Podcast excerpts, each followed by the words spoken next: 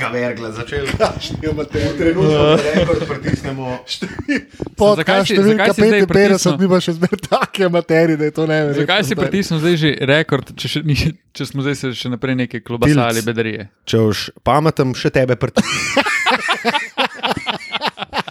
No pa dajmo, ta noč je moja Hej! in pijem vino. Ja, hej. Daj me zagrabi. Za ritkico. Daj, gremo na auditorij. Rad bi šel. Dajmo. Mm. Nažaj, nažaj, nažaj, nažaj. Jaz sem Janez Bončina Benč. A vem, da še ne da. Mm. Nažaj, nažaj, mm, nažaj.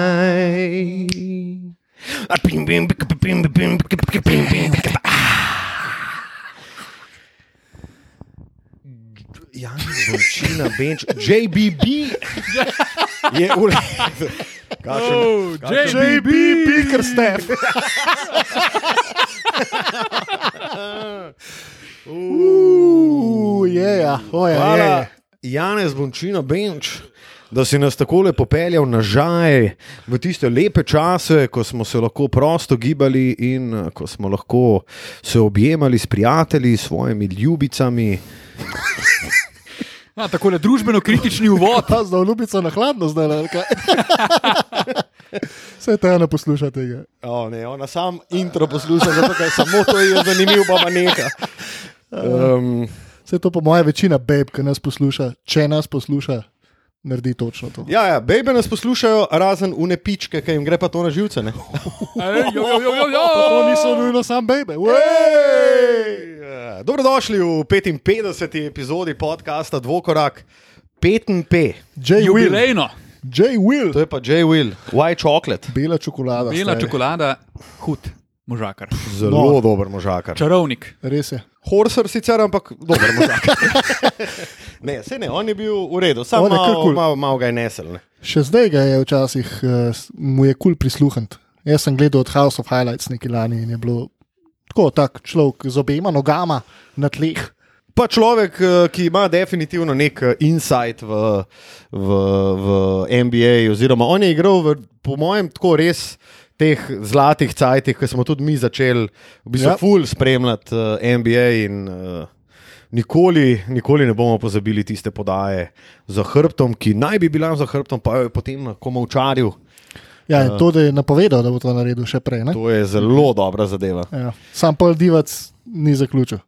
Divac tudi Dončiča ni zaključil. Pa. divac mrske ni zaključil svoje kariere. Ja. Mene, pa Razen- una, mene pa una najbolj, veš, iz 45 strice, ki jo zarola, pa se Ja, obrne ja. za 360. Um, Jay Will je v bistvu zelo, zelo velik šef, oziroma on je bil tak, ne. On Je bil tak uh, napoved nekih novih uh, cajtov, playmakerstva, če lahko temu tako rečem. Tak ful je bil, pa še šovmen je bil. Ne. Flashi. Ful je Ja, bil on si je dal duška. Pa njemu je bilo, po mojem, bolj pomemben, da je, da je zarolo ene tri, kot da jih je dal ene je bilo tri. ne. pomembno, da ful dobro zgleda. to, kar naredi. točno Pa to. tudi če mogoče ni bilo najbolj učinkovito, ampak važno, da je dobro zgledalo. Čeprav v unem vijolčastem dresu Oh. od Kingsov stari, to je pa zgledal, pa vse je bilo XXL cifre, Ja, ja, ja. bi, zdaj bi imel pa mirno M, pa Mirno. telirano, slim fit. Pa on je en redkih, ki ni treniral šuta, ampak tre, je treniral podaje za hrbtom ob steno, si narisal kvadrat in treniral. Tako ni to prirojeno, to je zadeva, ki jo je človek dnevno negoval. Trdo delo.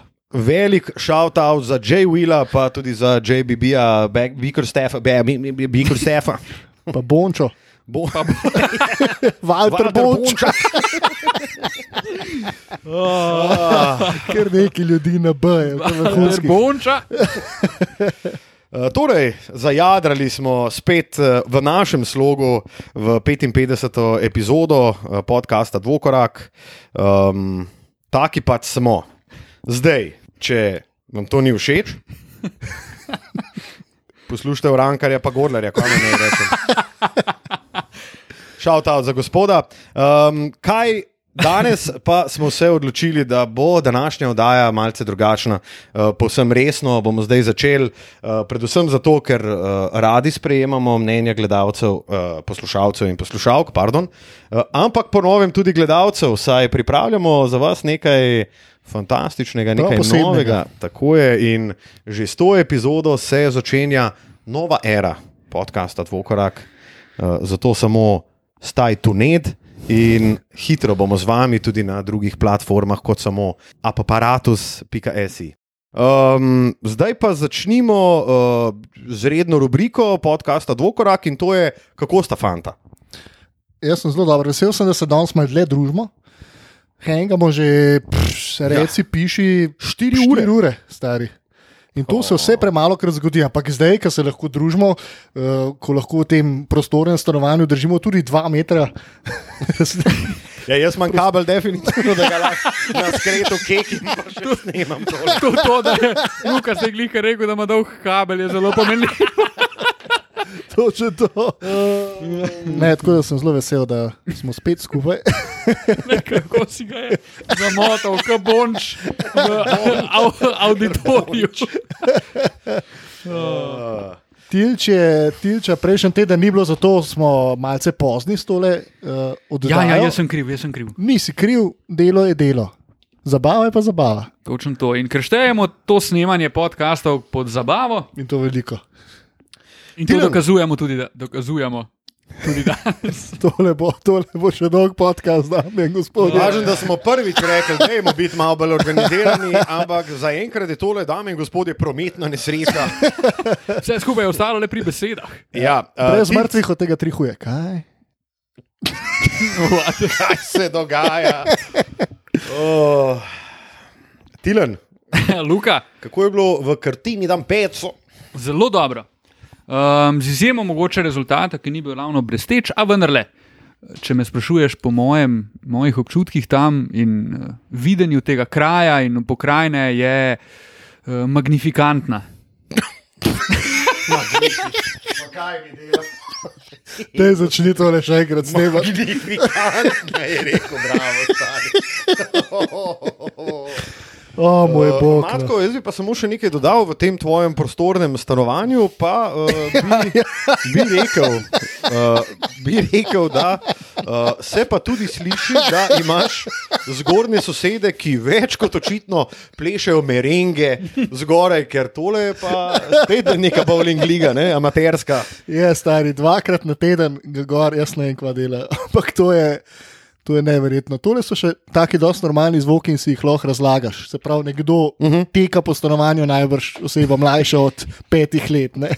Ampak bolj pridejo taki zamolkli, globoki zvoki, kot bum, bum. In po mojem imajo uno, joga žogo, stari. A ja, in se ga okej. en razmetava gor na pune pompe. Stari, res, včasih, včasih sam sedim tukaj, gledam v strop in si rečem, kaj delate, prosim. Zelo zanimivo življenje imaš, moram reči. Sedim doma in gledam v strop. In Ne. razmišljam. Fantje, brez uh, kakršne koli zajebancije, uh, se bomo pa zdaj le lotili uh, zelo resne teme. In sicer, kot ste navajeni, poslušalke in poslušalci, uh, vedno svoje podcaste začenjamo um, s hate kotičkom. Ampak, ker je negativizem vse okoli nas, uh, v teh časih, ki so zelo težki, uh, unprecedented časi, časi, ki jih nikoli nismo in brščas ne bomo več doživeli, saj ne v takšnem obsegu in uh, s takšno intenzivnostjo, pa smo se odločili, da tokrat sovraštvo damo na stran in se lotimo srečnih, veselih, dobrih novic. In zato bi vas tudi radi povabili in napišite nam v komentarje na Facebooku ali na našem Twitter, uh, Twitter profilu ali v Apple Podcasts. Uh, česa ste pa vi v teh trenutkih uh, najbolj veseli in kaj vas veseli, kaj vas drži nad gladino v teh uh, zares uh, nepredvidljivih časih? Tako. Ja, turbulentni časi. Uh, z vsem se strinjam, Luka, razen s tem, da si naštel vse kanale razen tistega, na katerem smo dejansko z dvokorak profilom prisotni. Kaj, Dajte nam kaj napisati na Instagram, dvopočrtaj korak je naš profil in Kaj vabljeni k izražanju mnen. Ti pa si omenjal Facebook, Twitter. Twitter teletekst. Eh, 554 je naša številka. Oziroma, ja, tako. Uh, Tilen, uh, ti si bil morda med uh, najglasnejšimi, uh, ker danes pa imamo ne hate kotiček, ampak Appreciate kotiček. tako blest kotiček. Uh, Zahvalni kotiček. Zahvalni kotiček, radi imam to življenje, pizdati mater na kotiček. Tako. Takole. Uh, Tilen, kaj bi ti pohvalil o ligi NBA v življenju, morda uh, nas... kako ga kako, kako ga je? Je blinkari delajo. Ki so pa zaleteli. Zdaj si me uvedel noter, da bom hvalil življenje. Ja, daj. Se lahko, NBA, ampak- NBA je velik del tvojega življenja. tako Da. To drži. drži. In ne bom pohvalil tistega, kar bo hvalil Luka. Zatorej bom rekel, da bi želel pohvaliti stanje oziroma igro, ki jo kaže ekipa Utah Jazz. uh, Meni so oni res kul cool in sem vesel, da ta ekipa funkcionira na način, na kakršnega da. Da, A zdaj mogoče kaj ni bilo, ok. Na kakršnega da. zelo zanimiva raba, okay. Da kakršnega da. Jaz bi se na juta, a se tle še kaj ustavimo, ali Ja, ja, šli kar eh, ali ne, štejemo. Ja, jaz imam par ali ne, ampak Juta bi mogoče, ustaviti. Ja, ja, dajmo, glede dajmo. na to, da je to najbolj vroča ekipa lige NBA v tem trenutku, bi se sam pohvalil, ker smo se zanj že malo hvalili, pa, um, oziroma grajali svoje napovedi. Da sem, ne vem, sem to v podkastu, vama sem definitivno rekel, da se mi zdi, da je Juta najresnejši kandidat za tretjo najboljšo ekipo na zahodu. In sem full vesel, da se je to materializiralo. Um, zelo lepo jih je gledati. Lep basket igra, tako tak, malo so sprsovski iz 2014 na trenutke. Zelo v bistvu. Um, jaz sem delal dve tekmi Utaha, eno proti sicer dokaj neuigranimi in dokaj ne simfoničnimi uh, Celticsi. Uh, ki so mimo grede izgubili tudi proti Washingtonu uh, na zadnje. Ampak to je bila ena izmed tekem, ki sem sam opazil med tekmo, da zaradi igre same sem začel kar malo navijati za Utah. Zato, ker vsaka akcija, ki je bila, je imela rep in glavo, vsaka akcija, ki je bila, je bila res, mislim, domiselna, obenem, pa to tudi moram povedati, ima pa Utah definitivno, poleg uh, Luke Dončića, Lo, uh, Luke, Luke Dončića, um, ima dva najbolj zabavna in najboljša belopolta košarkarja v Bojanu Bogdanoviču in Joe Inglesu. Res je. To je pa taka zabavka, ki gledaš Inglesa v In ga se tok, ja. v uno njegovo fiko preprosto Ja, ja. iz Brisbane ali iz kjerkoli je, Ne, iz Melbourna. a iz Melbourna je. Ker se mu vidi, da se sam, sam zabava se. No, pa, tudi če mu kdo karkoli reče, je on sam pač, ko, it's ok, mate. Pač tako je. Slow res. mo Joe. Slow mo Joe. Ful je, ful, mislim, Utah je ena taka lepa enota v tem trenutku in um, mislim, da ni ljubitelja košarke, ki ne bi prvoščil, da to traja, zato ker je res lep basket, ker je, so res malo sprsovski. In če pogledaš njihovo ekipo, je to ena redkih ekip v današnjem NBA-ju, kjer kraljujejo visoka krila, ki lahko igrajo na bodi si na enki, bodi si na štirki. Ena redkih ekip, ki ima proper enko, proper dvojko, proper trojko, proper štirko, proper petko. Tako res, res ekipa iz 90-ih, da se točno ve, kdo je kdo. Hkrati uh, mi je pa noro tudi, uh, kako dober jih vodi Queen Snyder, ker jih vidiš, kako v bistvu v dan današnji ligi, ki toliko sloni na trojki, kako v bistvu vsazga zlaufajo strojke in jih prisilijo v prodor, tam je pa hobotanca stari in sam, sam dej, dej, če upaš. In Rudi je nor, in vsi unika pravijo, "Eh, on pa ne vem, v povprečju ima ne vem, 15, pa 12, nima veze, stari. On je tako hud, on toliko stvari naredi, ki se jih ne vidi v statistiki. Te intangibles, Ja, noro, res. Ljudje ful drugače zaključujejo napade proti Utahu.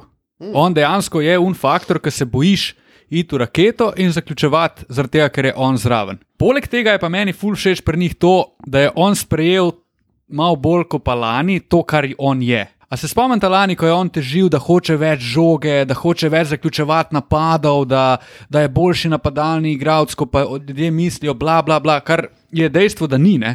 On je točno to, kar igra letos. Defensive stopper, vsako leto je lahko kandidat za najboljšega obrambnega igralca lige, v napadu mora pa pobrati točno to, kar mu drugi zrihtajajo. In če mu spustiš tri žoge na tekmo dol, da on dobi un kao feeling, da nekaj igra ena na ena, ok, dej mu jih, ostalo pa sem lob, pa kucanje. Ker to krožnje žoge, kako oni igrajo kolektivno v napadu, on na ta način lahko da 15 gladko. Um, plus njegovi bloki, ne, ki je še vedno najboljši asistent z bloki, pa gravitacija njegova in v obrambi, in v napadu, ko gravitira igra zaradi njega proti njemu in s tem odpira prostor drugim. Z njegovimi bloki na eni strani, pa s tem, kako ti vzame v bistvu 5 metrov raketi in ima zelo malo prostora, da najdeš šut.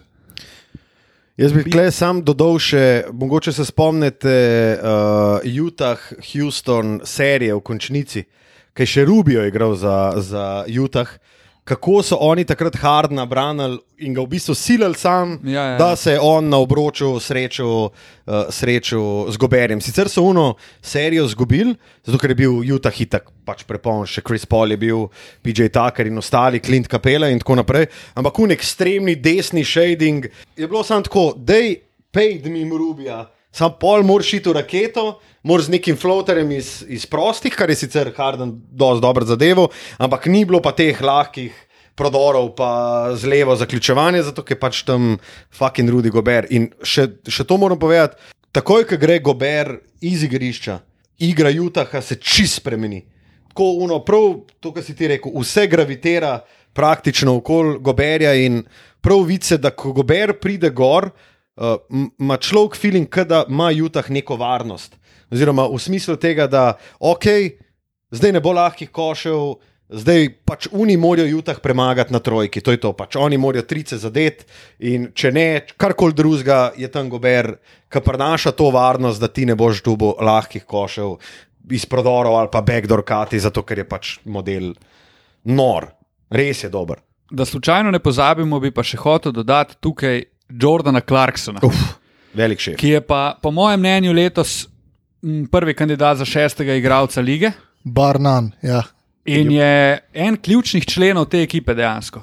Stopa redno sklopi in njihova igra ne pada, tudi če gre Donovan na klop, imajo skorerja, imajo igralca, ki je v bistvu na nek način organizator, ampak organizira lahko predvsem zase, to je jasno.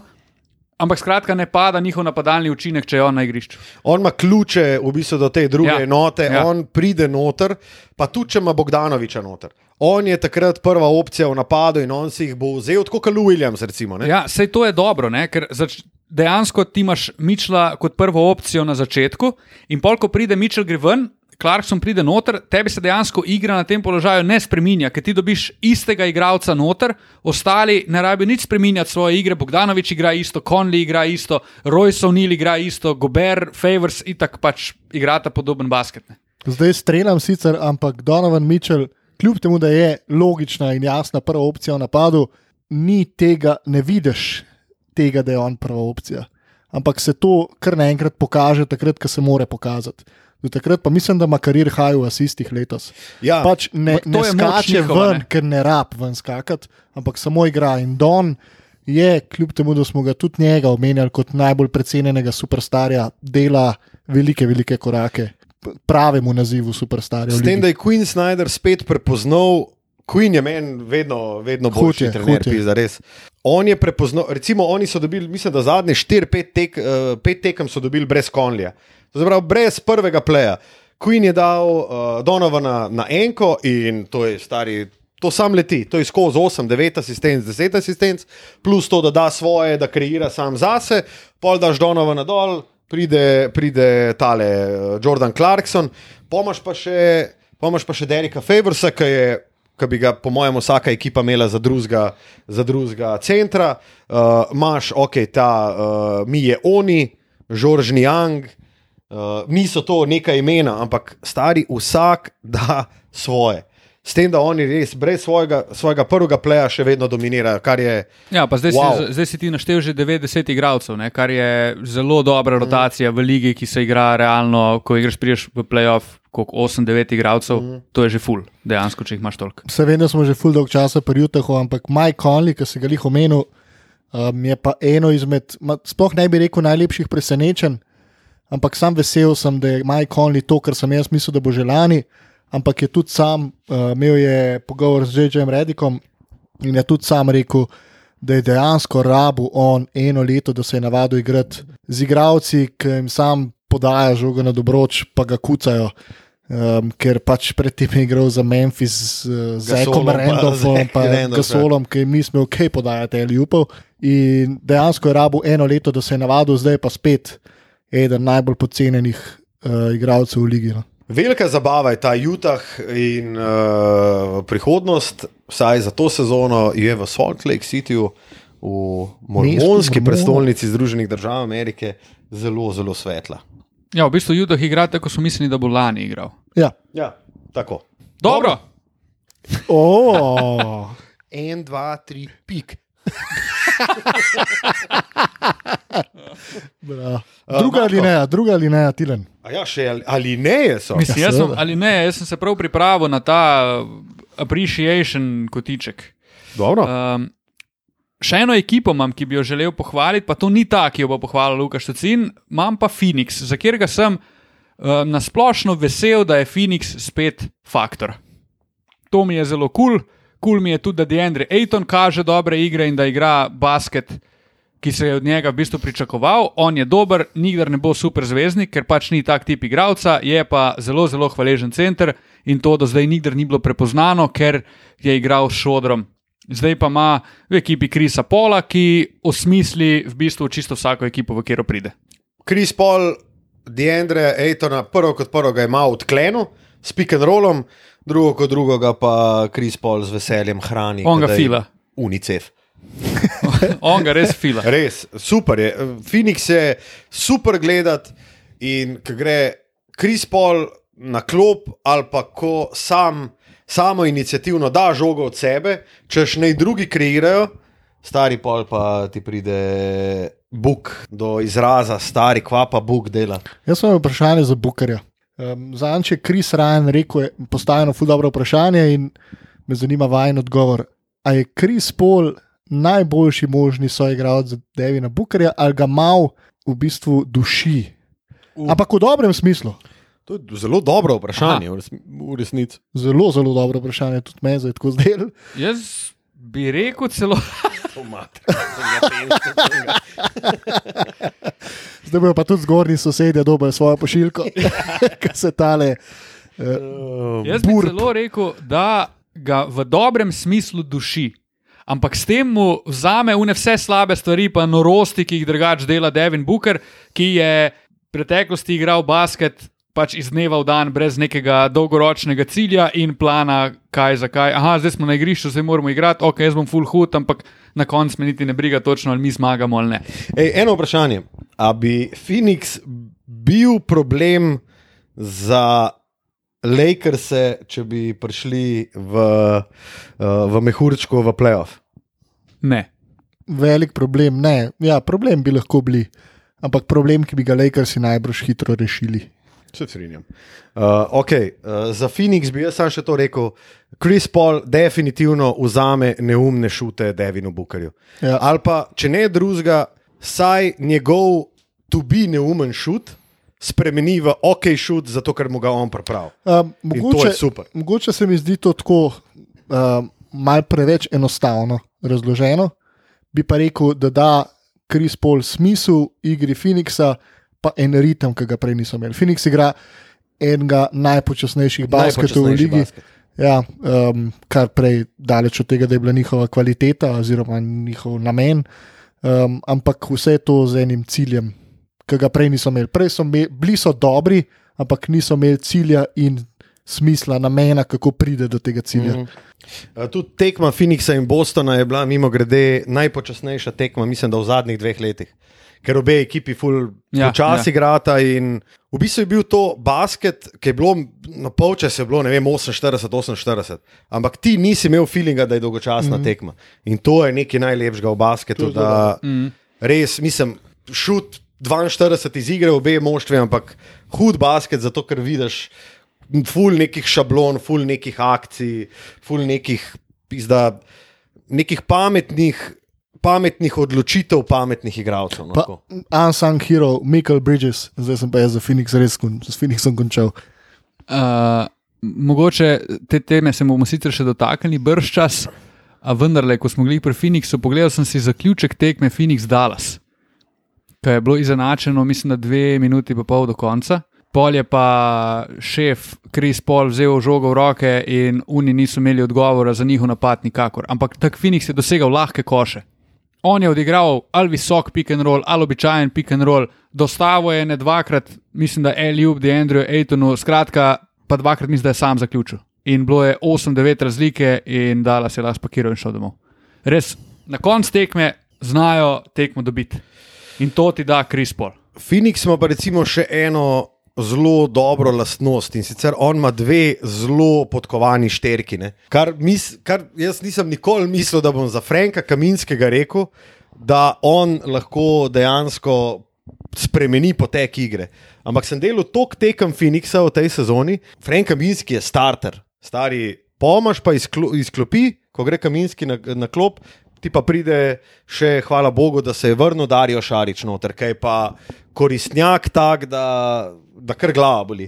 In stari, to je noro, noro, noro. Zato, ker Kaminski ti lahko prevzame vsaj delček bremena, ki ga nosi Krispol. On, stari, ima lagano po 5-6 asistenc na tekmo, pa se niti trudne. Ampak, a ti misliš, da je Frank Kaminski igralec, s katerim ti lahko priješ daleč v playoff? Ne, jaz mislim, da je Frank Kaminski roleplayer, ki, more za, ki ga more trener dati v pravo vlogo, zato da pusti pečat na tekmi. In to je Monty Williams naredil. Dobro. Še kakšna linijca tilc? Ja, še Ali lahko gremo ampak naprej? Dajmo iti naprej, pa se bom priključil. Pridušal se bom uh, tvoji izbiri, Luka. Aha, uh, sem jaz na vrsti. Mhm. No, jaz bi pa rad pohvalil in uh, v zadnjih desetih, morda že petnajstih letih uh, si nisem mislil, da bo ta pohvala kdaj priletela iz mojih ust. V zadnjih osmih. Osmih, ajde. Aj na zadnje, ki so bili v playoffu. Okay.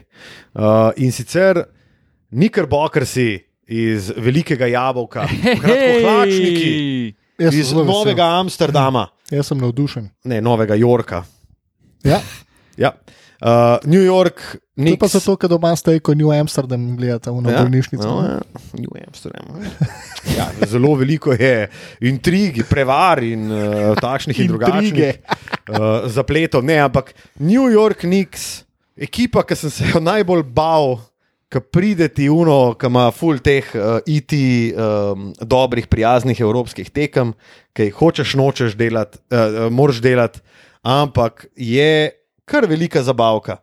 Emmanuel Quickly je velik šef. Je. Uh, Amen. New to that. York, Nixi imajo tudi enega najboljših burner računov, oziroma parody računov, ki je Dolan J. Trump. To morate pofollowati, zato ker tip vsakič, recimo, ko Kristaps Porzingis odigra slabo tekmo, napiše neki, kot da bi napisal uh, Donald Trump, ampak je kao Donald, uh, oziroma Dolan J. Trump, lasnik in Trump, in to je, to je taka pišurlja. On Ne je vem, zelo, zelo uh, tak. Hvala za Uh, ta uh, nasvet. Chris- Uh, Zdaj le bom to naredil. No, daj, no daj. Dolan, uh, Dolan J. Trump.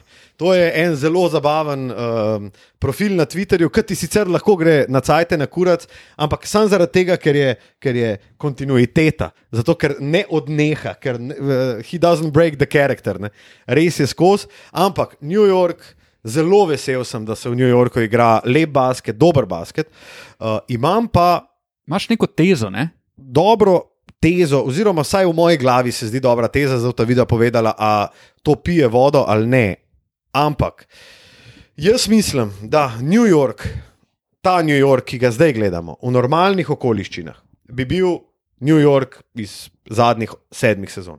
Ampak samo zaradi enega faktorja, oziroma ne samo zaradi enega faktorja, Tom Thibodeau je itak človek, ki zna potegniti veliko svojih uh, basketašev, ampak na dolgi rok to vemo, kam pele, zato ker jih izčrpuje in sledijo poškodbe. Ampak Tom Tibodov je, lahko rečem, glavni faktor. Drugi glavni faktor se mi pa zdi, da je to, da New York igra dobro, zato ker v Madison Square Gardenu ni gledalcev. Mm. Počakaj, strinjam počakaj, se ne? Okej, počakaj.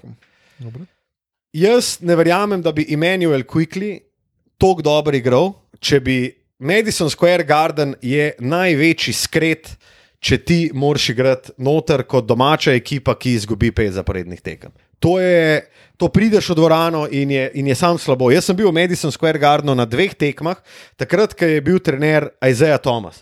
In ti si prišel, stari na dve ulici od Madison Square Gardena in so bili plakati, Fire Isaiah, grafiti, ki so kurcali nikse. Ampak to so zadeve, stari, ki jih igravci občutijo.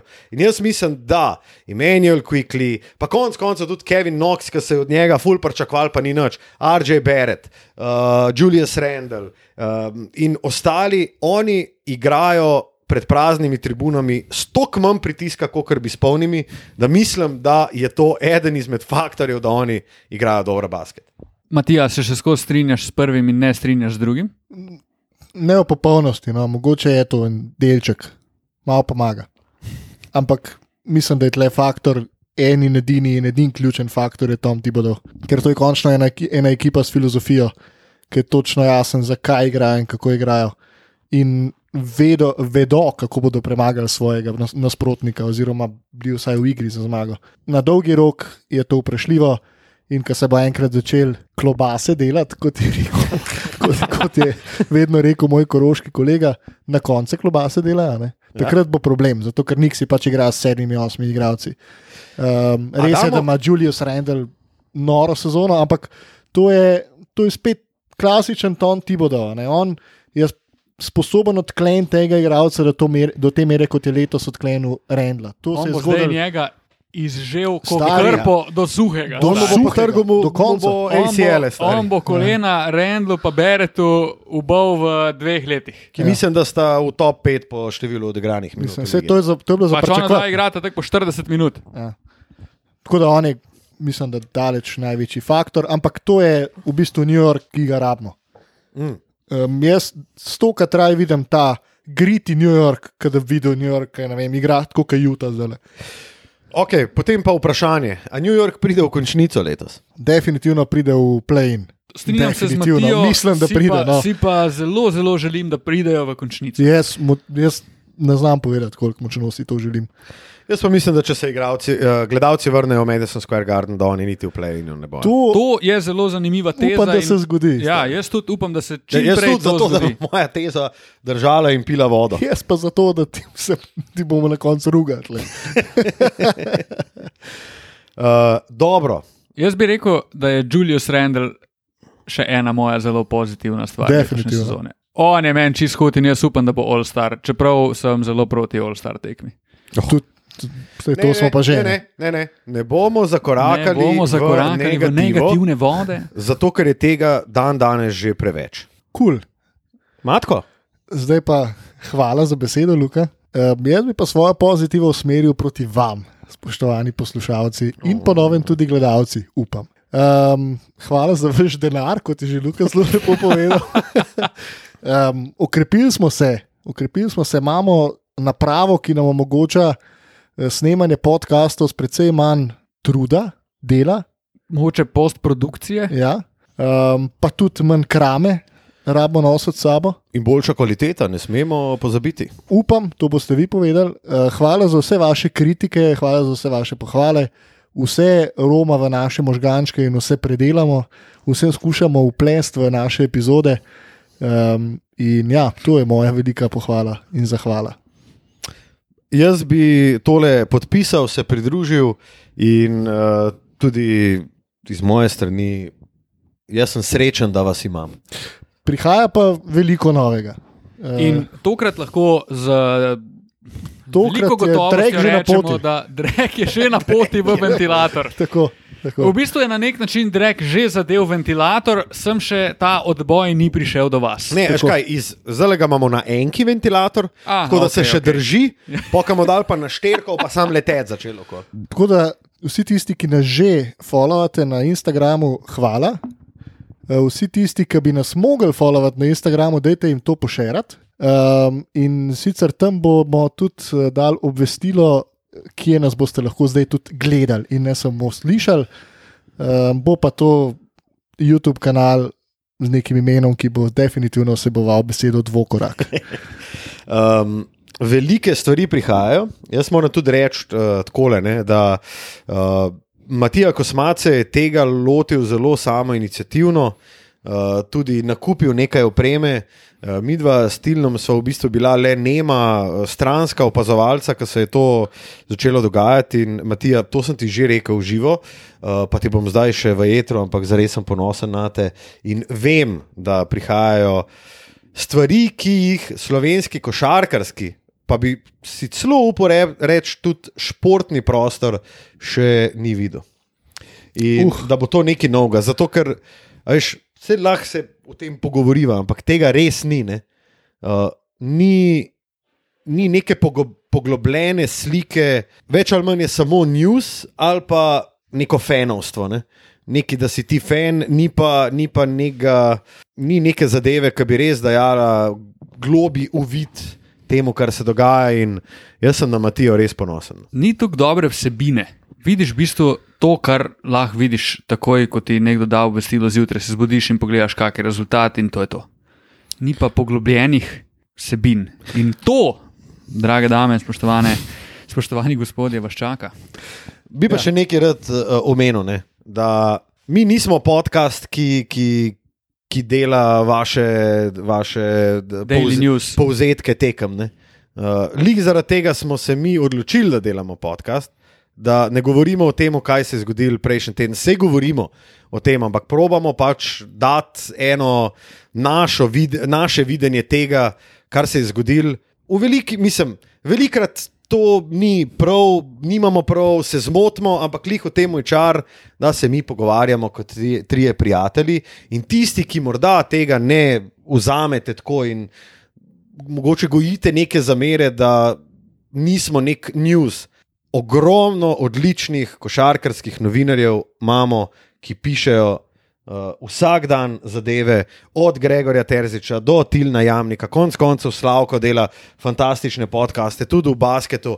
Dejte pol to poslušati, pa se tudi naš poslušate, ampak mi smo bolj, mi smo bolj zajebantje, mi se bolj, hočemo se malo, malo, malo se hočemo zabavati ob tem, kar delamo, zato ker to ni naša služba. V bistvu mi že od samega začetka uh, to delamo zato, ker hočemo posneti svoj običajen pogovor o NBA ligi. Ne pa, ker želimo um, pogledati, koliko je ena ekipa igrala prejšnji teden. Ja, bear with us. In vsi tisti, ki ste včasih razočarani, da se premalo pogovarjamo o Goranu Dragiču in Luki Dončiću, to po svoje začne, eh, počnemo tudi malo z, z namenom. Ker, tako kot si ti dobro rekel, Luka, tega je ogromno. S tem smo zasuti in mi probamo luč mečkan obrniti in mal pod drugim kotom posvetiti na dogajanje v Ligi NBA. In ja, ustrajate z nami, Smo pa definitivno veseli, tudi če nam kdo reče, pizda fantje. super je. Vedno smo, Fantje, ni v veseli, redu. ne. vedno smo veseli kritike. Ne? Tako. To ne pomeni, da nismo veseli kritike. Zdaj sem se pa spomnil še eno stvar, ki jo bi pa res hotel še podariti v tej pozitivni luči, pod katero sijemo danes. In to je CD-vita Olimpija. Uh, bravo. Dobro, ja. Meni je tuk zakon, da oni igrajo, to, da zmagujejo, mi je zakon, ampak to, da pa igrajo dober basket, to mi je pa noro. In res, zdaj jih je malo ta COVID, jih je malo vstavil, zdaj imajo neko pauzo, oziroma ne smejo igrati, ampak predtem oni letijo po igrišču. Jaka Blažič je šef, Luka Rupnik Jezus se Marija. igra basketa, stari. In vsi, vse ukrepitve iz tujine so super, igrajo en za drugega, in Olimpijo je po koliko desetih letih spet dejansko zanimivo gledati. In jaz si sem želim, da to ostane tudi v času, ko bo do ljudje nazaj. Točno lahko to. šli na tribune. Točno to. Ker jaz sem prepričan, da letos na tekmi z Virtusom bi bile stožice, ma ne bom rekel polne, Ma desetka bi bila. ampak spodnji ring brez zgornjega bi mogli napolniti. In to je meni čist noro. In naša trojica bo prva na tekmah Olimpije, uh, zato ker pa ne, vse mi smo. Skozi več ali manj malo hodili na Olimpijo, takrat, ko smo imeli cajt, ker nismo delali tekem, ker smo ne na zadnji vsi komentatorji in uh, tudi pač delamo v teh terminih, žal tako je. Ampak uh, Olimpija je mogoče ena izmed lepših stvari, ki se je formirala v teh cajtih, ker jo je res jo je lepo gledati. In uh, vsaka čast res uh, in Golemcu, in Sanju, in pizda vsem, ki so sestavili to ekipo. Pa Tudi, jaz bi eh, mogoče vama tudi predlagal, da bi enega izmed podkastov naslednjega mal posnel v Olimpiji, Eurocapu in Euroligi. Ja, Jaz se s tem strinjam in uh, se tudi veselim, da bomo šli tekme Olimpije pogledati v živo. upam, da čim prej. ja. Lej, tudi če nam zrihtajajo karte, Ja, lej, nič bomo tam, narobe. Ružič. Bom, Nič narobe. bomo tam, lej. Uh, ne, super, super. Uh, sam hojs ne, ne nas odpre, ne? tako kot je Kris Paul uh, odprl Deandre Aitona. ne. Um, je pa zanimivo, ne, da lahko rečem še, to je pa čist informativno. V luči, v luči uh, tega, da smo prešli v oranžno fazo, se je nekaj zgodilo ne, in sicer na tekmah.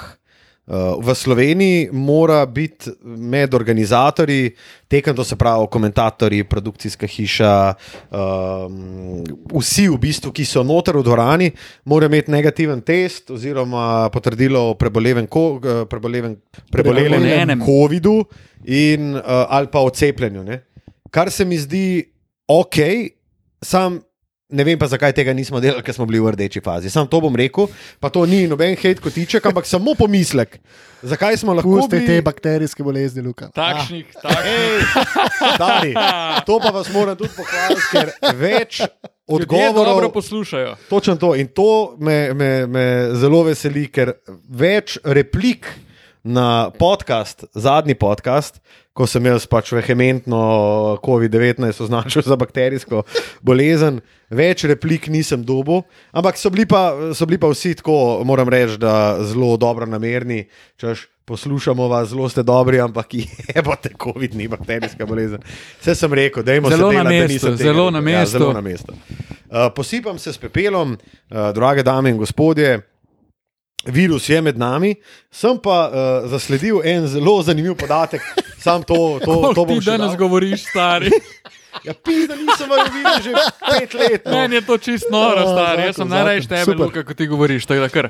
Um, če bi vse, pa upam, da se nam zdaj zafuku, ampak bakterije oziroma molekule tega virusa dal na kup iz celega sveta, bi napolnili samo eno pločevinko Coca-Cole. Malo pločevinko Coca-Cole. To se pravi, mala pločevinka Coca-Cole. A, nas a je- misliš mala pločevinka Coca-Cole? Da. Dobro. 0,33, 0,33. 0,35. Ne, ne, 0,33. A, Oziroma, ne, zdaj na našem trgu je 0,25. Ja, se to ti pravi. ne. Rečemo, da 0,33, vse ta virus, ki je po svetu, bi šel v eno pločevinko uh, Coca-Cola. To je zelo noro. Samo zanimivo, Wow. wow. morda Wow. wow. prehod v, v naslednji del našega podcasta. Uh, smo se kar razgovorili, fanti, 45 minut, pa smo šele pri tistem delu, ki um, ste ga želeli, hoteli, zahtevali ne- nekateri. Uh, in sicer danes se bomo posvetili igram Gorana Dragiča, Luke Dončiča, Miamija, Dallasa. Zdaj pa, če ima kdo kaj, ki mu leži na srcu, naj prosim ustreli. Drugače bom jaz nadaljeval s svojim monologom. Jaz ne vidim razloga, zakaj ne bi nadaljeval s svojim monologom. Kje pa se najprej ustavimo? Dajmo se ustaviti v Teksasu. Dobro. Teksas, mimo grede, je spravimo v Teksasu? Kakšno Luka je v zadnjih dneh pločevinko. ogromno, ogromno enih tekem NBA lige komentiral in si nabral tudi nekaj. Ja. Ja. Ne, ampak Teksas v tem Trivi. trenutku je pod vplivom neke, Mimo neke grede, fronte, uh, ki, ki imajo zelo slabo vreme in uh, power outages in jim ugašajo elektriko. ja, in snik je. Ja, zato, ker je Teksas edina zvezdna država v Združenih državah, ki ni nacionalizirala, mislim, da teh uh, virov energije, ampak so pač hoteli sami vse poskrbeti, mislim, da zaradi nekih davščin. In jim dejansko ugašajo elektriko, in je kar kriza v Teksasu v tem trenutku, vsaj v nekaterih delih. Um, zagotovo je pa bila kriza tudi v American Airlines centru in to kar nekaj časa. Namreč uh, Dallas Wow. je, je igral. Kakšen segway, pa to je neverjetno. Dame in gospodje, priča ste veličini Luke. Danes stvari letijo. To je pa, tole je pa noro. Um, Dallas je bil v. Veliki Oziroma, še greženci. vedno je v veliki buli. No. Uh, bi mislim, da se s tem vsi strinjamo. No. Ja, jaz bi za uris uh, Lukatovega stanja in počutja opisal eno situacijo, ko sem prišel komentirati. On je pa glih zaključil uh, komentiranje tekme Dallasa in Golden Statea, kaj jih je Golden State namočil za koliko? Moč. 35, nekaj takega. Mislim, gladko je bilo. In Luka je bil obupan. Obupan. Res sem bil. Um, Pa ne samo naš Luka, ampak tudi, tudi Ja. ja. njihov Luka. Tudi Tako. Donka je bil zelo, zelo obupan. Um, najbolj, kar mi je pa v bistvu, uh, kar se. Podatek, ki se ga najbolj spomnim iz tiste tekme, je, Golden State je igral brez Kevina Lunija uh, in igral brez Jamesa Wisemana, to se pravi brez prvih dveh centrov. Njihov najvišji košarkar, brez košarkarskih copat, na igrišču je bil visok manj kot 2 metra. Mimo grede. Manj kot bil 2 to? metra. Eric Pascal. Ne, um, Pascal ni igral, tudi on Ha, ni igral. zanimivo. Uh, najvišji je bil uh, Andrew Eh. Wiggins. Oh, wow. uh, ki je da- 198, On je 6,6, a ni. Ja, 6-6 je, ne? Ja, ja. To je 198, ampak ok, košarkarski copati rečemo. Res smo 2 metra pa roka. Ajde, Ajde. tako ne. To se pravi, oni so imeli celo ekipo, manj kot 2 metra, dobili so skok, dominirali so jih v, v Paintu in kar jaz izpostavljam mogoče kot največji problem Dalasa je, da Kristaps Porzingis igra, kada ima 1,88 m. Poleg tega, ne vem, če, si, če ste to opazili, ampak on se giblje, kot star Ata, stari. On se giblje tako, še pol slabš, kot se je prej. On sploh ne hodi kolen, da ne upogiba, on hodi kot robot po igrišču. Mislim, res se pozna, da ni to Kristaps iz lanske sezone in da je mogoče on največji faktor, največji manjko v tej igri Dalasa. In to, da ni igral na začetku sezone, se jim je jasno maščeval tudi v nadaljevanju. Jaz bi rekel, da on je največji manjko zaradi tega, ker ima tudi največji potencial, ki ga trenutno ne izkorišča. Ampak po drugi strani je pa težko od njega pričakovati. Mene v bistvu motijo vse te najave, Kristaps ne igra pod košem, neki gor pa dol. Kristaps tudi lani ni igral pod košem. Ni to zdaj, da se je neki blazno velik spremenil. Ok, ampak stari moj, on, Človek ima 2,20. On ja, ja, pa tu sem zafrtoli- jaz, tu on sem jaz zafrtoli- isto lani govoril, zakaj ne greš dol, pa ga ne kucneš enemu v fiko. Ampak on meče je dobil trojke na low iz postu 8 žogo, pa metrov. se obrne, pa fade away šutira. on šutira trojke z 8-9 metrov. S tem, da ne smemo Stari pozabiti, moj. da on, Ampak ne ni- bi, mislim- on ne bi stari mogel, on z njegovo aktivnostjo v obrambi ne bi mogel pizda matkota zaustaviti. Tebe ne bi mogel, pizda, ker on ne krije nič. S tem, da moram reči tudi stari, da prevzemanje luke je tako katastrofalno, tako brez energije, brez kakršnega koli odpora je Dallas v obrambi. Takoj, ko pride do. Veš, imaš ekipe, ki je. Ki je Ki so close, so close outi crisp, ker vsak ve, kam mora zlaufati, ko pride do viška. Tam je, ko pride do viška, se zadeva konča. Je ali lahka trica iz levega ali pa desnega kota ali pa polaganje. In to je, jaz, jaz mislim, da sta tle dva- glavna problema, sta Luka in Kristaps. Zato, ker one dva obrambe, sorry, fucking ne špilata. Ampak kar je še bolj žalostno, je to, da je Luka tudi med obrambnimi igralci eden najboljših oddaljen. Ja. Ja. Bil moment, ko je bil pač kaj un graf, kdo je najboljši obramba. Napad, ne, uh, XY, On in je bil on v skrajnem ja. desnem kotu, vsi ostali pa nagužvani nek levo spodaj. Um, druga stvar, spet Dallas je lani enostavno igral na svoje potencijalu, oziroma na trenutke celo čez svoj potencial. Ker jaz sem šel prav, pogled sem šel statistiko letošnje sezone in da bi identificiral, kaj je razlog, zakaj, kdo, kjer igralci igra tako slabš. Sploh noben ne igra pretirano veliko slabš. Kakšen, kakšno malenkost meče, recimo Dorian Finney-Smith meče en posto manj za tri, za tri pike, pa še kdo, pa ima e, posto, trice imajo za posto slabš kalan. Ampak to niso, to niso ti odstotki, ki bi mogli se videti tudi na zmagah, pa porazih. Enostavno uh, je lani Dallas presegel vse, kar so si zastavili. Jaz mislim, če smem, uh, mislim tudi to, da meni čisto ok, da so oni Josha Richardsona pripeljali, zato ker so rabili enega, enega basketaša, ki bo dejansko kaj pokril.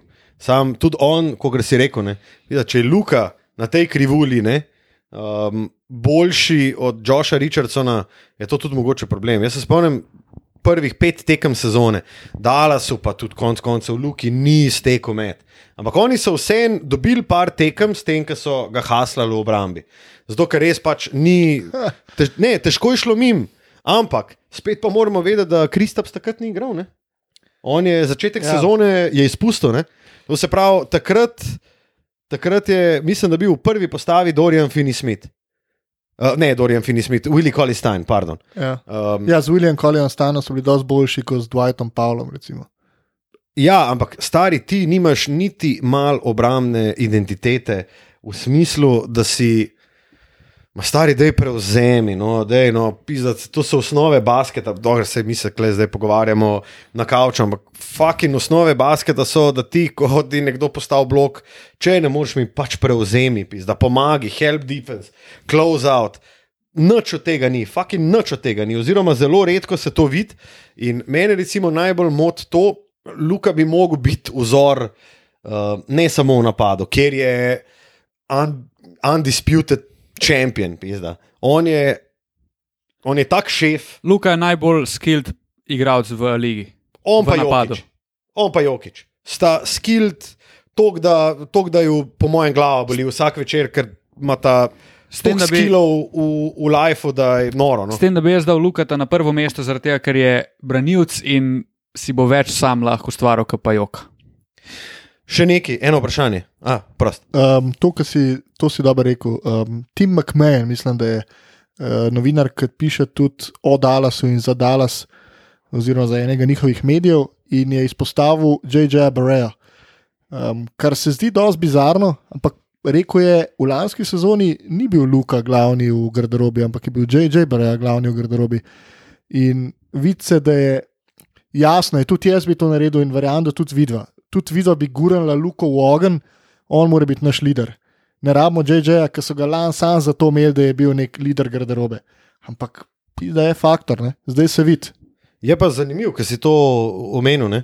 Ker prvo sezono je bil Dirk, drugo sezono je bil J.J., zdaj pa v bistvu Luka mora biti. Naj bi bil Luka. Ne? Luka Kristap, sredstvo, da si malo delita to, to vlogo. Dobar, samo od Kristapsa noben, noben ne pričakuje, da bo voditelj ekipe. Vsaj uh, mentally wise. Ne? ne, ampak nisem od Luka pomislil, pomislil na ta point, ki je zelo, zelo dober. Dober point je, pa se zdi, malo, se mogoče ni tako velik faktor, to, ampak je pa delček vseh teh težav, ki jih imajo. Jaz bi rekel, da se vsaka težava lahko brez nekega tajega izkušenega vodje v sačilnici, full hitreje lahko potencira. Veš, ti imaš Jodoni s Hezlem v Miamiju, v Phoenix je prišel Chris Paul, full več igra, ampak ok, izkušen igralec. LeBron James ima celo kariero takih zadev. Pa še lahko najdemo izkušenih starih igralcev, ki, ki so v ekipah, kar pove. Jaz bi rekel, recimo, da v, ta, v to kategorijo, pa čeprav je full smešen, pri Lakersih konc koncev spada tudi Jared Dudley. Kokor, Hvala lepa. Se sprdamo iz njega. En meni najljubših igralcev v ligi. Jared Dudley, na primer. Ampak to so ljudje, ki imajo več, ki nimajo nobene besede na igrišču, ker na igrišču tako rekoč sploh niso. Ampak, ko priješ pa v sačilnico, so pa mogoče ljudje, ki se jih najbolj od vseh igralcev posluša. In ko zdaj, ne vem, en mlajši ima slabo tekmo, pa kar nekaj popizdi, pa čuvaj in reče, hej, hej, hej, v redu je, nehaj. Pač ga... Ni treba Lebronu, pa AD-ju to govoriti, ampak Jared to prevzame. Recimo, pa še Josh Richardson, ki ste ga oba omenjali, ne? oziroma bolj si ga ti omenil. Um, tudi mi smo ga zelo hvalili in smo bili veseli s to potezo Dallasa. Ampak nažalost nismo dobili Josha Richardsona, ki smo ga pričakovali z pred dveh let iz Miamija, ampak smo dobili Josha Richardsona iz Filadelfije. Pričakovali smo, da bo končno predala so spet celo odklenil, da bo lahko uh, bil drugi kreator v ekipi, igral pick and roll, odigral nekaj v napadu, odigral dobro obrambo. Ampak dobili smo pa Josha Richardsona, kameče 29 posto za 3 um, v napadu, pravzaprav ni čisto od njega. Uh, Sov na rano je pa, da set v Filadelfiji 50 posto meče 30. Har. To je Pa... Mislim, Sejt, kukar je lani dosti pozen prišel do izraza, prodala sem, ampak se je videl, da brez njega Dallas, ne, mislim, v napadu igra precej slabš. Um, ja, no, nažalost se ni šlo s Jošem Richardsonom. Jaz bi rekel, da to, kar si že nakazal, v bistvu. To, da Luka Dončić velja za najboljšega obrambnega igralca Dallasa in ga vsi zaradi tega hvalijo, je v resnici največja težava Dallasa. Se strinjam. Ker ti, Luka je super in mi smo si vsi želeli in še si želimo, da bi boljši igral obrambo. Ampak to, da je on najboljši, to ni nujno odraz njegove dobre igre, temveč res slabe igre še vseh ostalih. Pa od Luke nihče ne pričakuje, da bo še najboljši v obrambi. Točno tako. Ja. Ker človek ne more biti, če model daje po 40 na tekmo. Oni morajo vsi igrati za njega v obrambi, da on lahko napadu dela Točno to, tako. kar dela. In edino prav je, da je temu tako. Obramba je pa, jaz mislim, da ima dala sem eno težavo in to je obramba. Ker v napadu oni še skozi dajo svoje. Tako si rekel, po šutu se ne pozna. Ni razlik, ful velikih, mogoče vsak malo, pa se nabere na Minimalno, koncu. ja. Ampak to so minimalne razlike. V obrambi pa oni kasirajo po 140 na tekmo. In obramba je, to bom jaz skozi trdo, voljni element. Če se ti jo da igrati, jo boš lahko igral dobro, če se ti je pa ne da, boš pa pušil. In Mislim, trenutno manko- te manko- volje prodala so ni. Manjko kemije se vidi. Manjko kemije in manjko eforta, volje. In še en mini hate imam, čeprav smo zelo pozitivni danes. Ampak hate imam pa za folk, ki pol gleda te tekme Dalasa stari in reče, o, sam Luka stari. Mislim, Luka je del tega problema, ni zdaj Luka igra, ostali pa ne. Mislim, Luka je človek, od katerega se pričakuje, da je on voditelj te ekipe in on bi mogel biti, pač smo na tej točki, on bi mogel ta voz potegniti. Tudi Lebron je prišel do te točke, da je mogel on voz potegniti. Pa je potegnil unga fucking Mo Williamsa, pa uh, Zidruna Selgauska, se pa Pa z njim druge igral Gudne, fucking pa ne vem finale. koga vse. Ja. Finale lige NBA igral Ja, ampak enostavno bo mogel priti do te točke, da postane voditelj. Ker do zdaj je imel še vedno nekoga zraven. V realu je imel Ljula, do zdaj je imel Novickega in J.J. Barejo, očitno, ne, kar se govori po, po Ameriki. Tako da pa Rick Carlisle je pa druga, druga tarča številnih kritik, ki se meni zdijo, mogoče so malo upravičene. No. Zdaj smo na tej točki, ki bi lahko rekli. Rick Carlisle je veliko dosegel v svoji karieri, super trener je, ampak ni nujno vsak super trener super za vsako ekipo. Mislim, tudi stari najboljši trenerji so izgubljali službe. ne. Sej, okay, Doc Rivers je izgubil službo, pa je dober trener. Uh, Imáš trenerje, ki niso zaradi enih zadev niso trenirali štiri leta, pa so pol dobili šanso, pa so spet vodili. Mogoče, mislim, jaz sem prepričan, da Rick Carlisle je definitivno del tega problema. Če ne drugega, da ne more nekdo zmotivirati svojih igralcev, da dejansko igrajo adekvatno obrambo, pa da res fuknejo od sebe vse. Težko je. Valjda, da je fucking težko. Ti boš v štirih, tri, petih mesecih boš odigral 72 tekem. To je, to je norišenca. To, mislim, Ampak je za vse isto.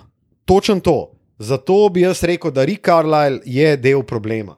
Ampak ne moramo pa reči, da po 20 tekmah ti zdaj Rika Carlisla tretiraš kot fucking Davida Blata.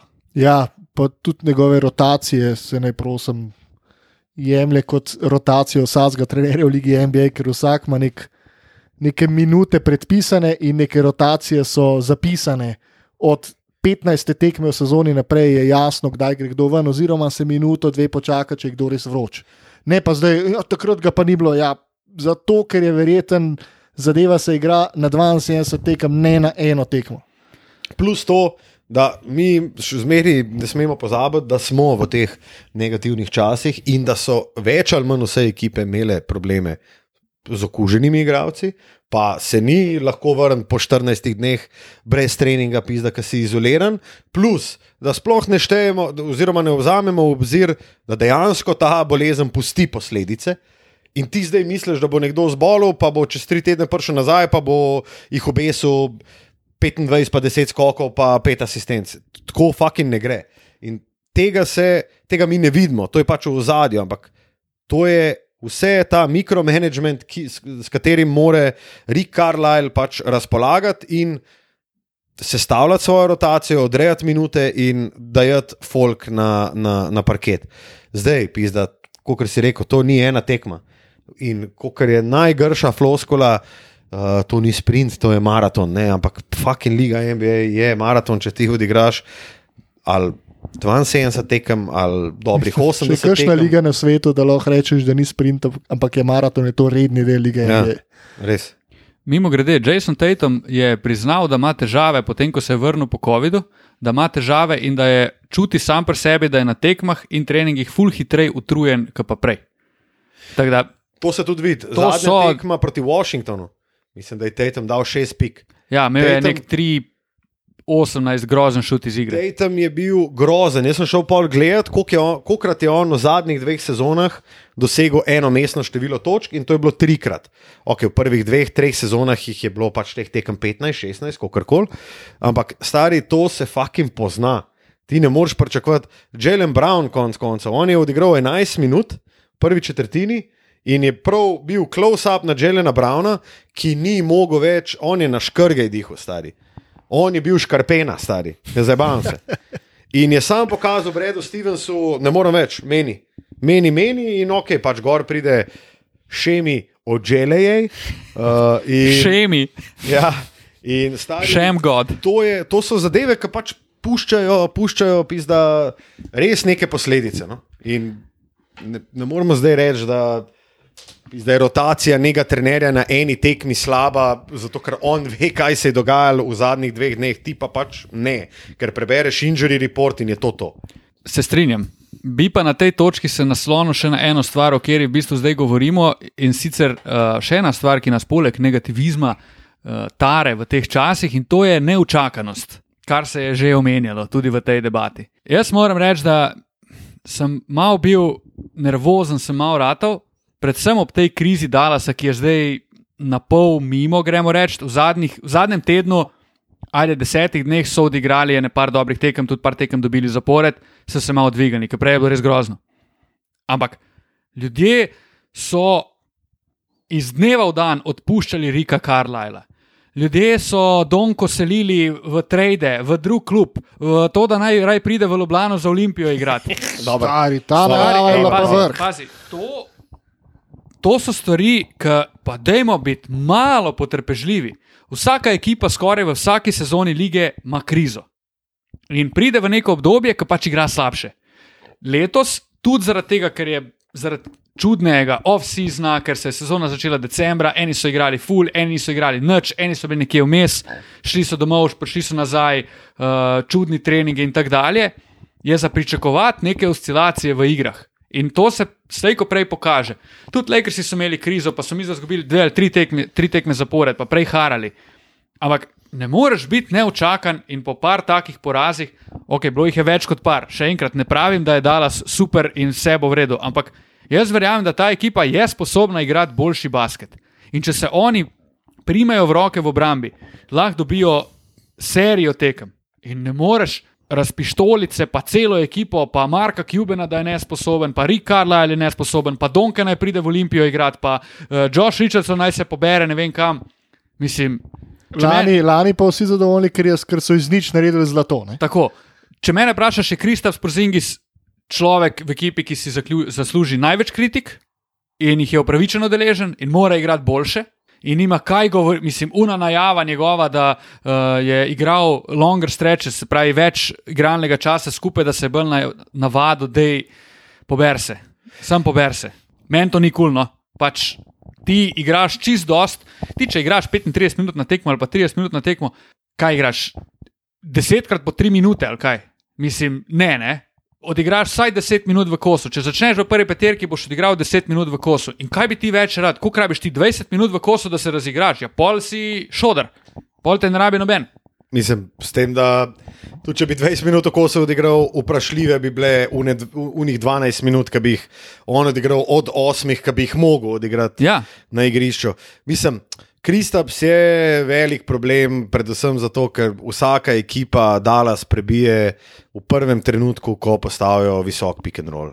To je to, zato ker Kristaps ne gre gor in čaka, in vsak visoki igralec, in teh je velik, ki v modernem, v modernem basketu in moderni NBA zadevajo za tri, vsak ima dve sekundi cajta, postavi visok pick and roll, gre na pick and pop, fukne trolo in mu jo zadane, zato ker je Kristaps na prostih metih. In jaz bi rekel, da tako lem rekel, oziroma vaju bom vprašal. Glede na to, da sta Blake Griffin in uh, uh, uh, Andrej Drummond zdaj več kot očitno voljna novega moštva, a bi, vidla, a bi vidva mogoče vzela v obzir, da ti pripelješ morda na mesto Kristapsa Porzingisa ali pa poleg njega še enega izmed tega dvojca, ki sem jo omenil, torej Andre ali Blake. To sem jaz že fuj. A je to dobra zadeva? Ali... Ne vem, ne vem, če si kot GM Dallasa, okay, če se mal dam iz svoje vloge v GM Dallasa, ne vem, če si upaš. Leto potem, ko si dal Max pogodbo Kristapsu, se mu odreči in prepeljati na mest njega Blakea Griffina, ki ga ni kucnil od 2019. to je drugače, mimo grede. Norste. Zastrašujoč Ja, podatek, ja. kako drastično so se, a sem vam to poslal? Ja, mislim, da si, drastično ja. se kucanja od Blakea niža iz sezone v sezono. To je groza. O, oče čas je poskrbel To je za groza, Blakea, ne. ampak to je tako ekspresno poskrbel. Ja. Um, jaz osebno, če se zdaj lahko znebim Kristapsa za neko iztekajočo pogodbo, kot je pogodba Andreja Dramonda, jaz to naredim. Jaz, jaz, Jaz vzamem to, dve stari. leti, se pravi pol sezone plus eno. Andreja Dramonda, zato da nimam Kristapsa in da imam čez dve leti clean slate, prazen talar in lahko štartam nekaj na novo. Zdaj imaš pa tle drug problem, imaš pa Donketa, ki je MVP kandidat. Mislim, da si kot GM upaš to narediti. Ker s Kristapsom imaš lepše možnosti za zmago. Ampak so te možnosti dosti lepe, zato da si lahko res dober. In Pa po drugi vprašanje- strani, a si upaš Kristapsa skenslati, pustimo to, da so sploh oni pripravljeni Kristapsa vzeti. Mislim, človek ni niti ene sezone, pa to sem že nič koliko krat rekel, niti ene sezone, odkar je Kristaps v ligi, ni zaključil. Pa Kristaps je, težko si predstavljam v tem momentu težje. Um, Igralca, ki, ki ga bi bilo teže traditi kot Kristapsa Porzingisa. Zaradi dolžine, velikosti pogodbe in zaradi težav, ki z njim pridejo. V vsakem primeru pridejo. Neizogibne. Ok, tako le, pa smo jih obdelali. Dalas po dolgem času. Jaz ne vem, mogoče je bila epizoda 39, ko smo se na zadnje Dalasu posvetili, tako kot smo se zdaj. Mogoče Nimam pojma, ampak Smo že večkrat tudi govorili o Dallas. To gleda tako, da se To dobesedno si, ja, uh, ogibamo. ogibamo iz uh, dela v del. Daleč od Epizode tega, v ampak epizodo. zdaj so si res. eh, Nismo mi prvi, ki so se jim posvetili za 20 in več minut, ampak se jim posveča celoten NBA svet. Tako da je bil čas, da se tudi mi malo pridušamo. Še Jaz bi en, sem odgovoril na tvoje vprašanje. Jaz ne bi tradil Porzingisa, ker se Dobro. mi zdi to prezgodaj. Res je, da je on full uh, liability, kar se tiče poškodb, trajanja in tako dalje. Sam vseeno, ti se, če zdaj se znebiš Kristapsa za Dramonda, naprimer, ki je absolutno drugačen tip igralca in ti drugačen basket začneš z njim igrati in imaš pol Kolja, Stajna, Pavla, Dramonda. ki ti ne more dati trole. v- Kaj ti Dobro, pač- ampak kune dva, konc koncev, Ja. kenslaš, ti jo vse zanimivo. ne. To je že to tako drži, igrate to za drži. tak narod. Upside v obrambi definitivno pride s tem. Po drugi strani, jaz imam malo dvome tudi v, spet bom uporabil besedo volja, voljo Andreja Dramonda za neke velike stvari v ligi, potem ko se je dobesedno vlenil v Detroitu, podobno najbrž kot Blake tudi mal. Poleg tega pa se delaš norca iz Donkeja. Ker ti dejansko, Donke bo čez dve leti Zapravlja scajt. ne. ti zapravljaš njegov čas. In ti ne moreš dati najboljšemu igralcu v ligi, ali pa ajde top 5, sigurno, igralcu v ligi, rečeš, aha, ok, zdaj bomo pa mi Kristapsa dali stran, ki smo ti ga pred enim letom prepeljali, da boš ti z njim velike stvari delal. Lej, če se bo išlo z Dramodom, ok, se če ne bomo pa čez dve leti zgradili, bomo Mislim, pa prepeljali ne? nekoga novega, ampak ti Mislim, ne moreš Ne, ne, rebuildati. gre, ne gre za to, da si ti Dramond vzel, ampak ti si Ja, šel v saj to. rebuild. Ti si šel v rebuild. v rebuild Ti, od, ti odložiš. 105 igralcem si šel v rebuild, kar je že Točno tako tako rdeči alarm. Ja. Alarma. Ti odložiš nekaj velikega za dve leti. Pa rečeš, Luka, to, zdaj ti igraj svoj basket, pa pa bomo prepeljali. S tem, da nisi niti siguren, če boš lahko koga prepeljal. Bog ne daj, da se Luka tukaj zgodi vmes, ko pol živa duša ne bo hotela igrati z Joshom Richardsonom. In si fakt. Ampak po drugi rečeno. strani, ne, kar je pa bizarno, je, so pa, da so te možnosti 60-40. Tako 60% Ja, možnosti je, ali pa mogoče sem še dosti rekel, da bo s prozingisom res boljš. Ja, sej, Ni veliko ne? Mislim, vprašanje, zelo, zelo veliko neugodna vprašanje- situacija je to. po mojem vprašanju je tudi to, kaj je dejansko z njim in koliko oni vejo, pa nihče zunaj ne ve, koliko dejansko Porzingis je sposoben igrati. A je on sposoben odigrati 40 tekem na sezono plus playoff, ali je on sposoben odigrati 40 tekem vključno s playoffom, to je vprašanje. In če ni sposoben, pa ti to veš, pol nikomor ne povej, pa čim prej se ga lose. Karkoli dobi za njega, drugega sem, da ga stran. Je pa še ena zanimiva stvar, ki sem jo opazil glede Dalasa in sicer um, velike televizijske mreže so začele počasi menjati tekme Dalasa. In sicer mi bi recimo na, tudi na areni bi mogli delati ene par tekem Dalasa, ki so jih skenslali, ne vem, iz TNT-ja, ABC-ja in tako naprej, in smo dobili druge tekme. Zato, ker Dallas, ne vem, ko je začel igrati tako, kot je začel igrati. Um, Fakin nihče, mislim, ne nihče, ampak tudi tako, po, po novicah se je opazil, koliko Luka ni več v ospredju, koliko Dallas ni več v ospredju, koliko ne vem, Cubana več ne obrajtajo, Carlisla ne, obja- ne obrajtajo. ESPN je imel recimo v zadnjem mesecu nula, nula nekih poglobljenih člankov o Luki, recimo imel je pa tri o Zajenu. Pizda pa New Orleans tudi igra, igra slabši basket, Ja, ja, ja. kot smo pričakovali, oziroma sem jaz pričakoval.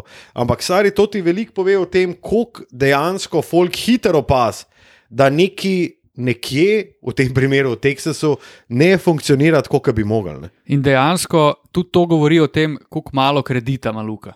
ne Pri takih- malo kredita ima vsaka ekipa v resnici. Ja. Današnje novinarstvo, predvsem v ZDA, je tako, da če ti sestaviš ampak- deset slabih tekem, te nabijajo. Ja, ampak hočem povedati Konec koncev to, to ne. tudi mi delamo. Ne. Definitivno, ampak hočem povedati to, da naprimer pogrejo pa oni pisati o Zajonu, ki je pa isti šodr, mislim šodr, isto dobro igra kot Luka, pa ekipa igra mogoče še slabše, pa je še večji poden. Ampak ljudje začnejo pisati o njemu in da. delajo zgodbo iz Zajona Williamsona, ker naj bi on bil prihodnost lige, pa ne bo. To je pa spet moje mnenje. No? Pismo meni je, meni je zajen, moram reči. Čakaj, da zdaj pa sprobo, če lagrem do skreta s tem kablom. Um, meni je zajen Williamson, moram reči, da kar uh, zelo lepo in tako prijetno presenečenje mi je. No? Njegovi prodori, predvsem levi prodori, so nezaustavljivi. Ampak pustimo zdaj to, pustimo Ziona. Oziroma, ja. dobro. Zajen ima- tudi, uh, da nimo v tej maratonski, glede na to, da redni del lige NBA je maraton, bo to maratonska epizoda. Uh, New Orleans ima z Zajenom veliko težavo, oziroma veliko težavo imajo s tem, da igra skupaj s Stevenom Adamsom. Oni, to ni par za skupaj. Steven Adams, oni igrajo z naskokom najboljši basket, najbolj učinkovit basket v smislu napadalnega učinka, obramnega učinka in učinka v primerjavi s pikami nasprotnikov. Se pravi, če bi oni s Stevenom Adamsom na igrišču celo tekmo, bi oni redno tekme zmagovali. Je pa grozen učinek, ko je z njim Zajon Williamson, še slabši pa je, ko daš ti Adamsa ven, pa daš Zajona ali pa kogarkoli drugega na položaj petice. Oni so grozni pol. Ampak tle je ena stvar, je ta, da se je to začelo popravljati, da je Stan Van Gandhi našel neki rešitev za težave, ki si jih je nakopal, oziroma ki jih je imel s to postavo, ki mu je bila dana. Um, s tem, da Zajan dosti več igra, mislim, da je ne trikrat več pick and rollov, kot jih je igral na začetku sezone. Uh, dosti več igra na perimetru, kot je igral na začetku sezone. Um, je pa to same še ena stvar, na katero smo konec koncev tudi mi, oziroma mi dva, sva na njo opozarjala, da je to, če vzameš prvo peterko New Orleansa, najslabš konstruirana peterka v celi ligi, glede na to, kakšen basket gledamo. Najmanj spacinga, polno enih igralcev, katerih kvalitete enostavno ne grejo skup. No, in če smo se pogovarjali na začetku, da je Utah ekipa, ki je super zgrajena, ki točno se ve za vsega, kaj kdo dela, je New Orleans čisto nasprotje. In dogaja se v bistvu to, kar sem se jaz bal, da se bo uh, zgodilo z Van Gandijem, da pač oni ne vejo točno, kaj delajo. Ja. Intermeco na temo pelikanov, bi pa mogoče zdaj šli na še zadnjo temo, se bomo dotaknili in kot kaže bomo.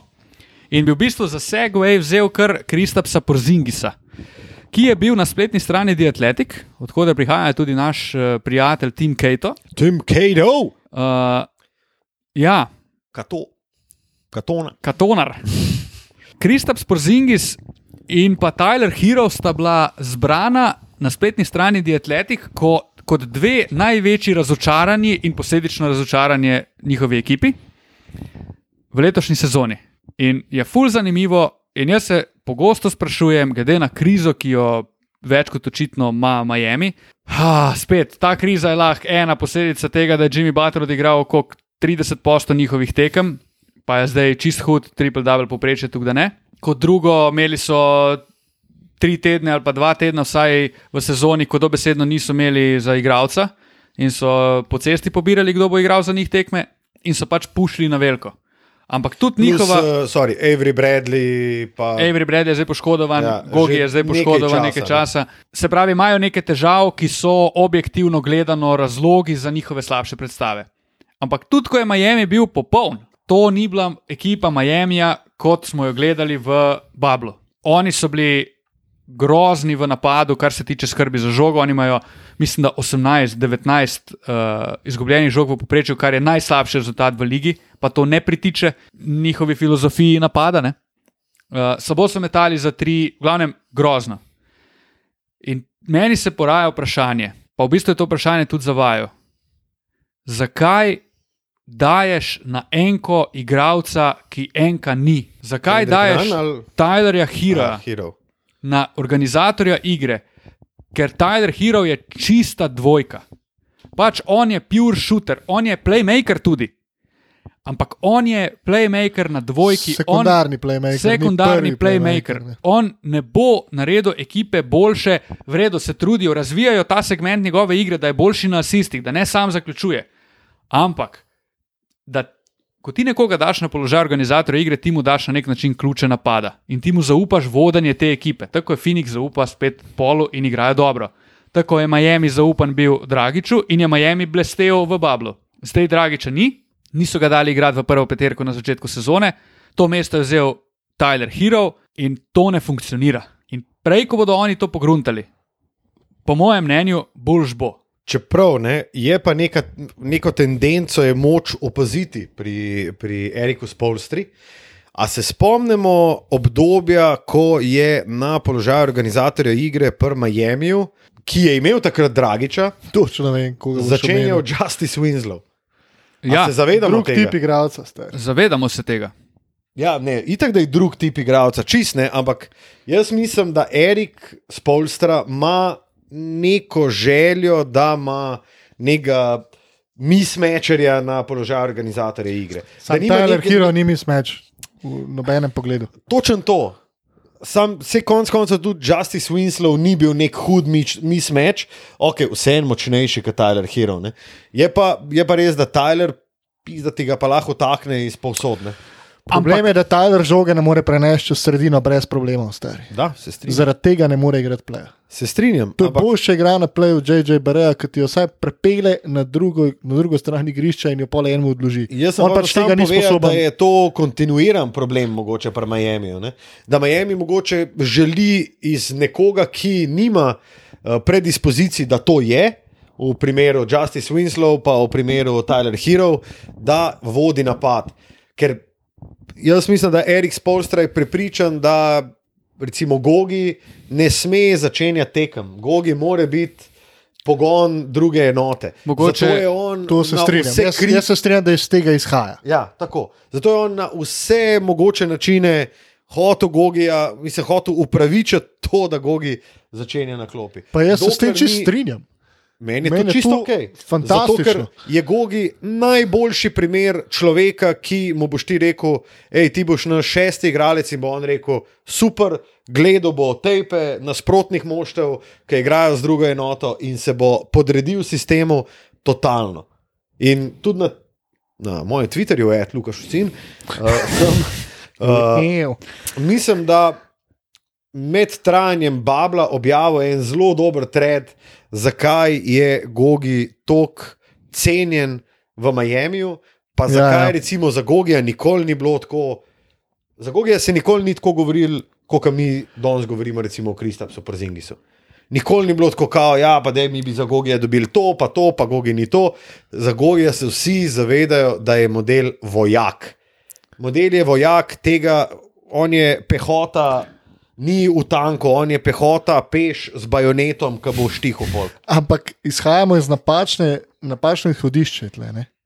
Zdaj mi bomo Gogija, zato ker je on dober človek, izkoristili, da ga ne damo v prvo peterko. Ne gre za to. Gogi je fantastičen igralec za biti general na igrišču v drugi enoti. In to se je videl. Njegove, njegova statistika je to lani dokazovala, ker je bil čist ležit kandidat za šestega igralca. Sam v, v trenutku, ko ti nimaš alternative in ti alternativo iščeš nekje, kjer je ni, je to problem. Tyler Hero je meni zelo simpatičen igralec, ampak nažalost ta poizkus se je po petih tekmah mogel biti jasno, glavnemu trenerju Miami, da, ni, da to ni ok. Goran Dragič, jaz nimam nobenega problema s tem, da on začenja na, na klopi. Po mojem je to celo načrt Miamija, da se Gogi ne iztroši preveč, ker ga rabijo. In Gogi je vedno, tudi ko je začenjal lani na klopi, on je vedno zaključeval tekme. On je sam rekel, bolj pomembno je, kdo zaključi, kot pa kdo začne. Kar ni bila prej doskrat filozofija najboljših igralcev v ligi, ampak to je dejstvo. Koga briga, če ti začenjaš, še ne, važno, da zaključiš tekmo in da si takrat. In takrat je, naprimer, Kendrick Nunn, ki je lani začenjal, pa Gogi ni, je Kendrick Nunn pogosto bil na klopi, Gogi je pa igral, kar je logično. Ampak še skozi, tako si rekel, Matija, zakaj ti forsiraš nekoga na enko, ki ni produktiven, ki ti nimaš učinka od njega tam? V bistvu ga ubijaš, ne? Ubijaš ga, tudi njega kot igralca. sebe in njega. Ne? Ok, kaj je rešitev? A je Kendrick Nunn rešitev? Kendrick Nunn je delno rešitev. Okay, Kendrick Nunn... Nunn, bom pa povedal ta podatek. no pa dej. Kendrick Nunn je v svoji pogodbi dosegel kriterij za starterja. To pomeni, da je v zadnjih dveh sezonah, pa bom eh, kar eh, citiral Bobija Marksa iz E ESPN. Uh, on je v zadnjih dveh sezonah v povprečju dosegel uh, 34,25 startov, oziroma pač uh, začetkov tekem uh, v sezoni, in bo njegov, recimo, qualifying offer, oziroma qualifying contract, bo zrastel iz 2 milijonov na 4 milijone 700. To se pravi, Kendrick Nunn je dobil svojo šanso v zadnjih dveh sezonah v prvi postavi. Več kot očitno, Kendrick Nunn ni rešitev. Zdaj, več kot očitno tudi uh, Tyler Hero ni rešitev. Več kot očitno ni rešitev, ne vem, Pa ni nobenega drugega več, ki ga bi lahko sploh rekel. točno to, kaj narediti. Ali zdaj jaz, konc koncev, zapakiram Heroja pa Nana, ali zapakiram Dragiča pa, pa Nana, ali pa Dragiča pa Heroja, ali pa Dragiča pa Robinsona, pa dobim recimo nekega, nekega pa bom zdaj dal čuden primer, ampak dobim nekega Majka Konlija za to. A jaz to naredim, ali se držim preizkušenega recepta, ko bomo vsi zdravi, ko bomo vsi skupaj, smo takšni kot v Bablu. A se jaz držim tega recepta iz lanske sezone, ali grem, grem posešt v to noter, pa probam takoj zagotoviti svoji ekipi boljše izhodišče za, za igranje naprej. Vprašanje je, koga dobiš. To je prvo vprašanje. Drugo vprašanje, oziroma druga stvar, a je Kendrick Nunn lani igral dobro? Ne. ne. Nikoli ni igral dobro. Ne, ne, ne. Statistično On je- gledano je on odigral kar nekaj dobrih tekem za Miami. V smislu zmagovalne ekipe Kendrick Nunn ni bil nikoli Govorimo dobra o, izbira. govorimo o rednem delu sezone, dokler ta ni bila prekinjena On je marca. prve tri mesece svoje kariere odigral super, ker je bil tri mesece zapored Rookie of the Month. Lani nikoli ni bil drug človek, Rookie of the Month na vzhodu kot Kendrick Nunn. A tu celo sezono. Celo sezono, dokler ni bila liga prekinjena.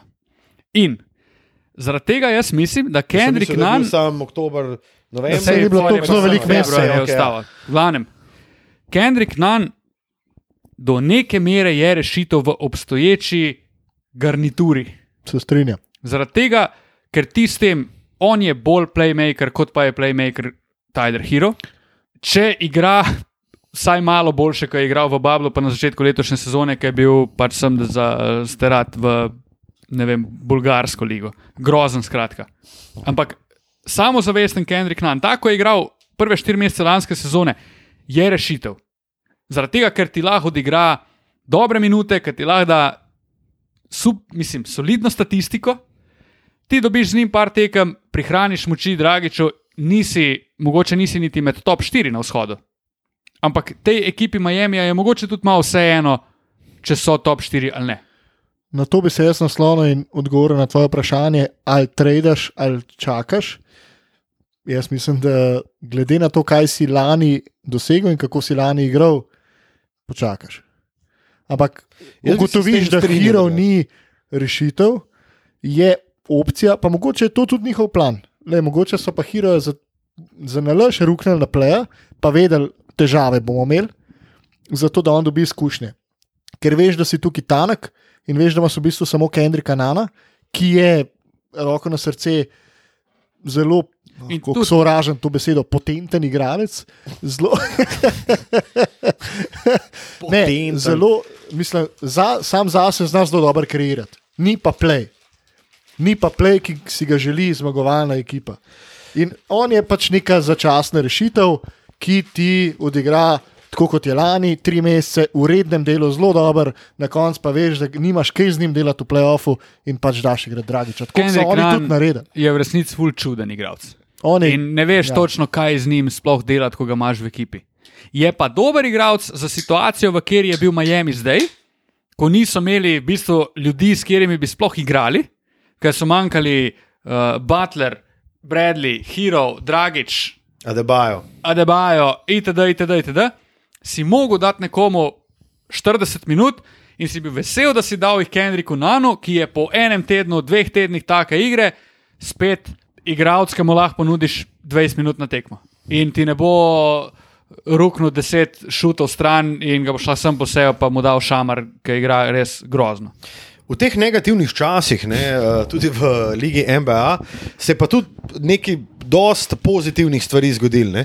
In to je pač to, da so se two-way playerjem se, eh, se podaljšalo obdobje, ko so v Ligi NBA, in smo dobili v bistvu ful nekih igralcev, ki so dobili prostor pod soncem, ki ga drugače ne bi dobili. In eden izmed njih, recimo, en primer je Tyrese Maxi. To je človek, ki igra za Filadelfijo, ki je igral takrat, ko so oni imeli, ko so bili brez. Na eni tekmi brez Karija, Embida, Ja, takrat, ko jih je bilo 8, ko je dal 40, tako. sedem Ja, jih ja, je ja. bilo. Na prvi je dal- tekmi, ko je štartal. Tako, 39 pik, to je bila prva tekma, ki je Paul Joel Embiid tweetno kao uno NBA, when, when Ja, ja, ja, everybody ja. else je v takem položaju, kot mi pa NBA, ki je Filadelfija in tako ne. Tyrese Maxi je zdaj stalen član uh, rotacije Filadelfije, kar je meni super. Zato, ker ti dobiš, veš, ti iz takih situacij, pa vedno so nepredvidljive situacije v, v Ligi NBA. Ti si iz takih situacij konec koncev dobil Dankana Robinsona. Zato, ker on je bil šef G-liga, ampak si dobil v situaciji, ko si imel tri poškodovane, si njega mogel iz G-liga, ti je obesil sedem trojk in si rekel, pizda, mi bi pa lahko z njim večkrat sedem trojk dal. Ne? A Veš, takih- to je ta fora. O takih situacijah smo se mi v preteklosti tudi na tem podkastu že pogovarjali o primeru, naprimer, ko, so, ko je Greg Popovič počival vse najboljše, pa ponudil več priložnosti, ne vem, Borisu Dioju. In pol v playoffu, kar naenkrat je bil Boris Dio ključen faktor San Antonija. ne. Se pravi, ti dobivaš neke igralce. Naprimer, pri Miami je ta Max, kako sploh ne gre. Tyrese Maxi. Ne, ne, ne, Ne. Max Štras. Ta Strus, šuter, ja. štrus, ali kakorkoli se že izgovori njegov primek, v bistvu ne vem. Ampak on je podobna scena kot Duncan Robinson. Dober šuter, če bo nadaljeval, pa dobival priložnost, sploh ne. Ampak spet nekdo, ki nihče ni vedel, da obstaja. Pa so zdaj kar naenkrat, ok, wow, ta pa mogoče lahko zadene. Pa dal je, mislim, da 22 na zadnji tekmi, 5 trojk, nekaj tajega, glavnem, či se mu je odprlo.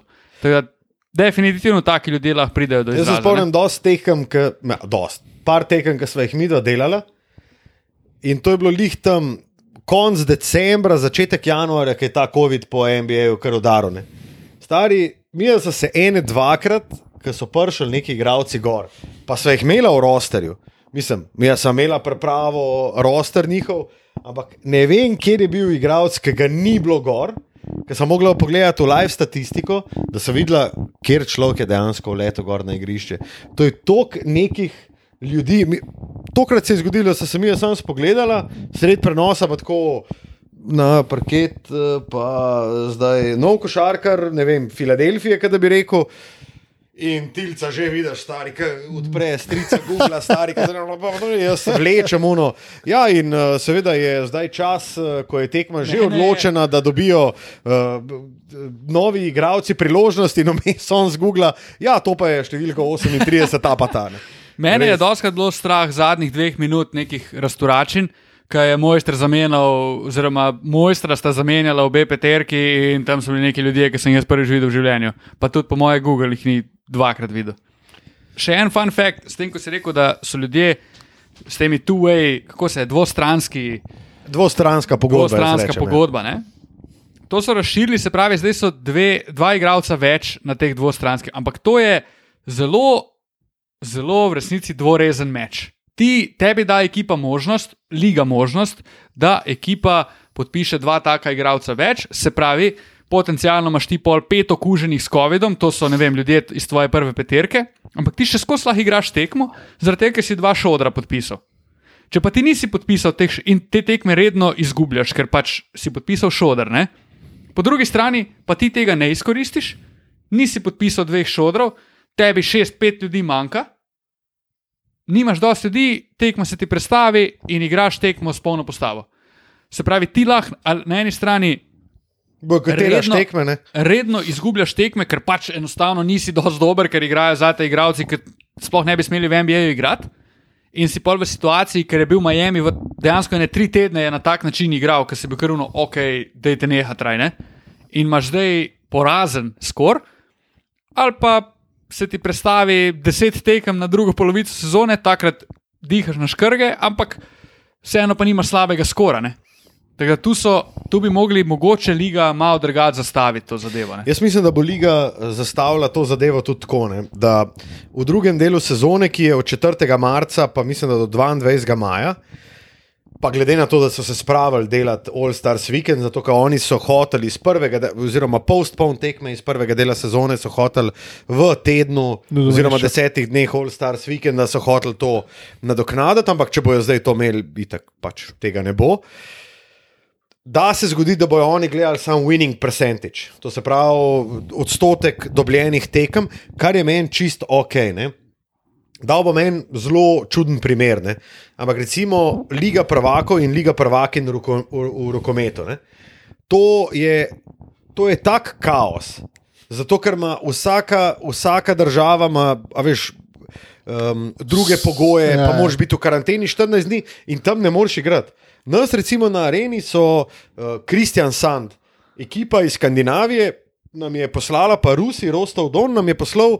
A lahko igramo v Stožicah. Dajte nam zrihtati štiri termine, da mi odigramo proti Mačarom v, v Stožicah, proti Krimu v Stožicah, eh, proti ne vem, nekim Avstrijkam v Stožicah, pa proti Hr Hrvaticam v Stožicah. In na koncu, kaj so naredili, fulje tekam odpadli, zato ker pač valjda ti nimaš niti produkcijskih možnosti, niti dvorane, kaj frej. So pač rekli na EHF-u, ma, dajmo vse v playoff, pa igrajo na izpadanje. Veš, in stari, meni se zdi brez veze, da ti zdaj siliš, uh, siliš v drugem delu sezone. Ne Vem, ena ekipa ima 11 tekem, ki jih ni odigrala, ena ima dve. Ti uni dve lahko spravi skozi 11, jih boš pa zelo težko spravil v drugem delu sezone. Dajmo, dajmo se ne ozirati na te postpone tekme. Pa se vem, da je to dvorezen med, zato ker si mogoče teh postpone tekme igral proti Lakersom, Clippersom pa Denverju. Eni so pa igrali, ne vem, proti uh, prot, uh, Washingtonu, Memphisu, pa ne vem, Pa New spet, s Orleansu. kom si igral? Ne? Pa spet, točno to ne. Ampak na koncu jaz mislim, da bo letošnja sezona uh, ne bo popolna, pa na koncu bo gledal winning percentage. Kar Jaz je, že, kar je tudi Vo- Vožnarovski že lepo povedal, No. da bo najbrž tako. tako No. da ni To je, to je ok in čist realno. Sem, mogoče ra- rata težava, če, je, če so ekipe, ki imajo ležit možnosti za playoff, pa imajo res full manjko tekem. A Veš, če ti odigraš vem, 15 tekem, manjko nekdo drug, stari to je 15 tekem. Pa ti, če računaš, naprimer, da bi v teh 15 tekemih 10 dobil, pa da bi s tem bil ne, ne vem, deseti, ampak peti, to, to je manjko? Pa Vprašanje, če, to, če teh tekem toliko bo, jaz mislim, da jih ne bo no, toliko. Hipotetično. To je ena stvar, pa druga stvar, samo deset mest ne vodi v končnico. Res jih je malo. Ja.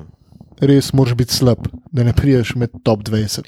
Mislim, pa ima spet ta pač princip babla, ne? unika se še lahko, uni, une daš noter, ne? druge pa ne. Pač za unite pa boli kurac, pa ne igrajo od 12. marca tekme do vem, pizda Slab let. 24. decembra. Ja. Noro.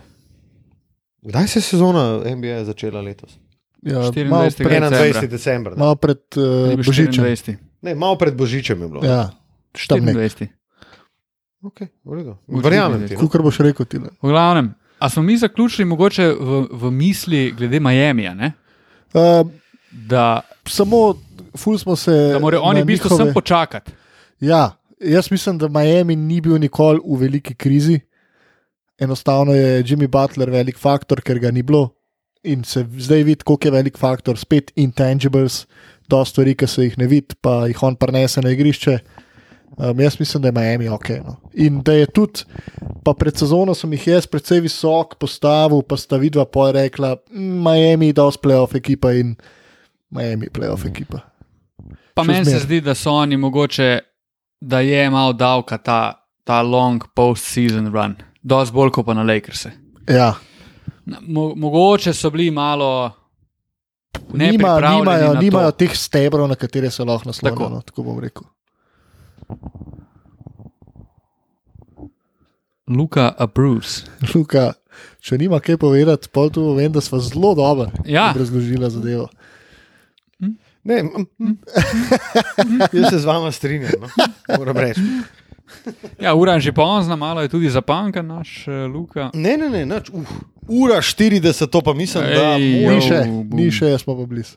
A, Minutka, mislim, da minutka ali pa dve nas A, bomo ločita. pa razvlekli. A, dajmo, kako sta kaj fanta, je benti. E, imamo še kaj tazga. Um, a Blake pa dramo, da bomo samo v vezi z Dallasom ali bomo še na splošno, kaj pričakujemo, kva se bo zgodilo z njima. No, jaz sem vam ne. že pred začetkom uh, podcasta povedal, da jaz enega izmed njih pričakujem v Bostonu. Kdo je to, Luka, kdo? Enega izmed njiju. Ja. Um, ne vem, po mojem, Blakea pričakujem v Bostonu. Kaj bo pa Boston dal? Noč A- se bo bajal. Buyoutom bo. Ja. Mislim, Pa glede na Boston to, ima kako je dost- bila novica ven dana. Ne? Se pravi, mi smo ga pripravljeni traditi, drugače se bomo pogovarjali o buyoutu. Kjer ima GM, to, to možnost. Kjer ima GM? zaradi Haywarda, ne? kjer Ja. GM bo zdaj dal igralca nekega, nek, nek, Mislim, nekaj to je pa velik karkoli. šoder. To, je- to je v bistvu tudi en dokaz, koliko je Detroit zgubljen na organizacijo, stari moj, pa kaj oni delajo. Jaz mislim, da je Detroit šel čisto v drugo smer, kot nekdo pričakuje, da bi šel. Oni so šli v en počasen rebuild, so šli pa tudi v rebuild zelo um, v koraku s časom, v smislu, da so oni tudi tako družbeno. Ne če je to prava beseda, ampak oni so tako poskrbeli, da je to ena izmed franšiz, ki uh, jo vodijo, oziroma v, kateri imajo glavno besedo afroameričani, oziroma temnopolti ljudje. Oni imajo, mislim, da temnopoltega GM-a, temnopoltega ja, ja, športni, drži. športni direktor, trener in tako naprej. In oni, mislim, da zdaj, v tem trenutku, bolj ciljajo na, to, kot na rezultat. Da oni vzpostavijo neko kulturo. Recimo, Jeremy Grant je šel igrati za Detroit. Eden izmed razlogov. Ja, eden izmed razlogov je bil ta, da je pač. To je drugi To- to... razlog, ki velegira kar veliko vlogo, je pa Ja, tudi denar. Čičing. 18 mil po sezoni. A čika, čing. Ja. Ampak Okay, Jaz sem hotel tudi do Jeremija Granta, ker si človek zasluži um, pohvale za ta velika muda, ki mu delajo težave pri hoji, um, da je tok stavil sam na sebe in šel iz potencialno ekipe za prvaka. Dejta si sam predstavljati Denver še z njim. Star. In je stavil na se in je zdaj borderline all-star. Ja, Denver res je drugače ena ekipa, ki je zelo, zelo zanimiva.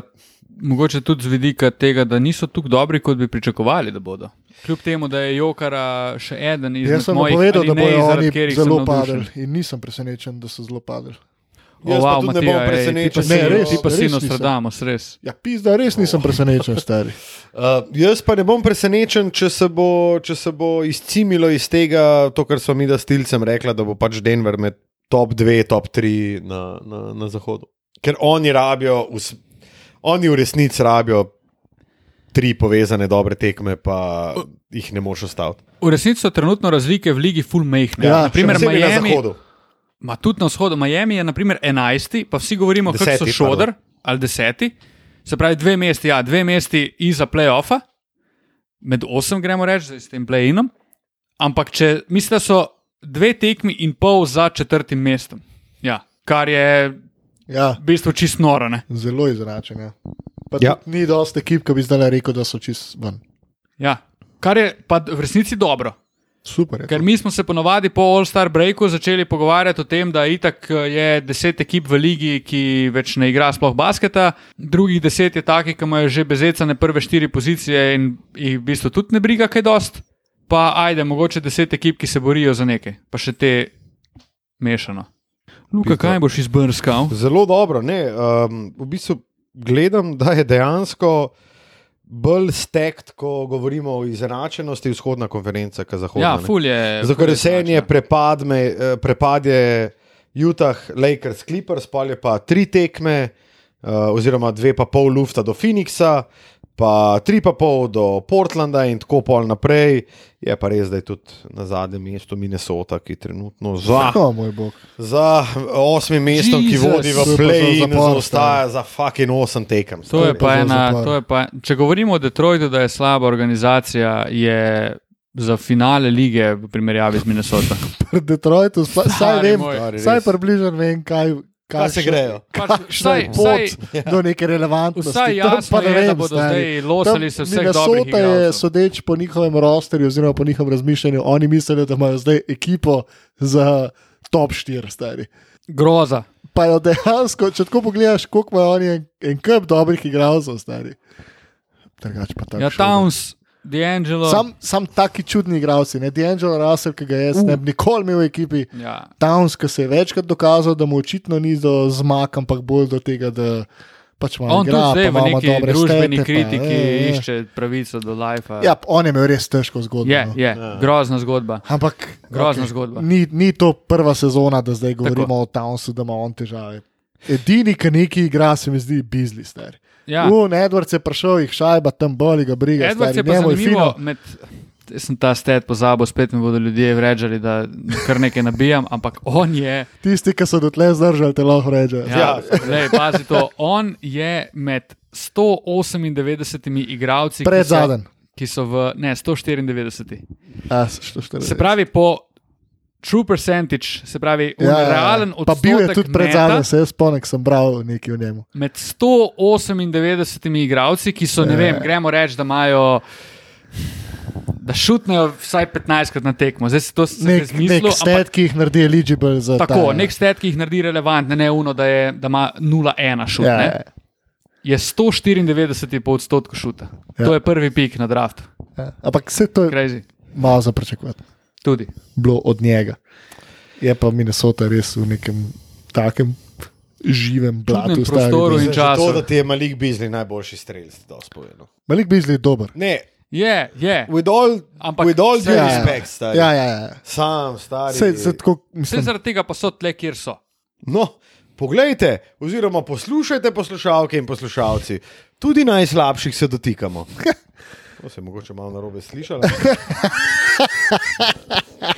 Ja, danes smo iz zelo, zelo uh, pestre in smeha polne debate na začetku preveslali v zelo strokovno in tako relativno argumentirano debato. Ja, jadramo pa tudi že po rekordnih vodah. Ne? ja lej, tudi to je včasih treba. ja. Rekordi so tu, da se rušijo. Stari zdaj, pa, 108 minut. Zdaj pa najbolj, da čim prej nehamo, da, bomo pa, da nam bo lažje rekord podreti naslednji. A to je pa res. Ja, Uh, hvala. Hvala, drage dame in gospodje. 55. epizoda je za nami. Če želite še več,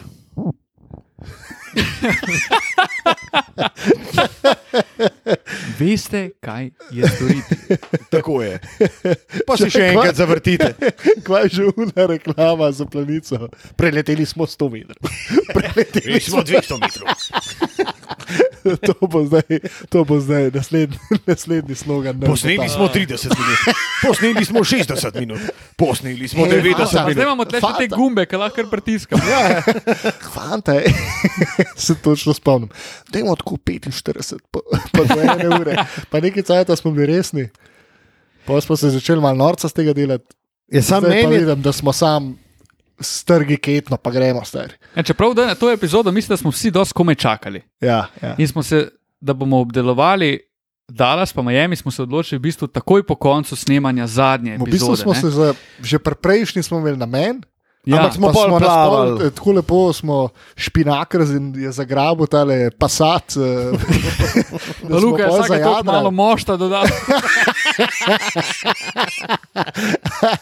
Moramo pohvaliti našega tilča, Eh. ki nam je danes uh, Uh. dal, dal kaše pihati o Marija. in je zmetil na majsterci. Ne? Ni bilo to zdaj, je bilo kar Ja. Odločilna je bila. Metali smo trice, To ni Dve nepomembno. zmagi. Matija je povedal z dve proti nič, Tako. potem sta se fanta izenačila na dve zmagi in prišla je na vrsto majsterca. Prvi na vrsti je bil Tilč.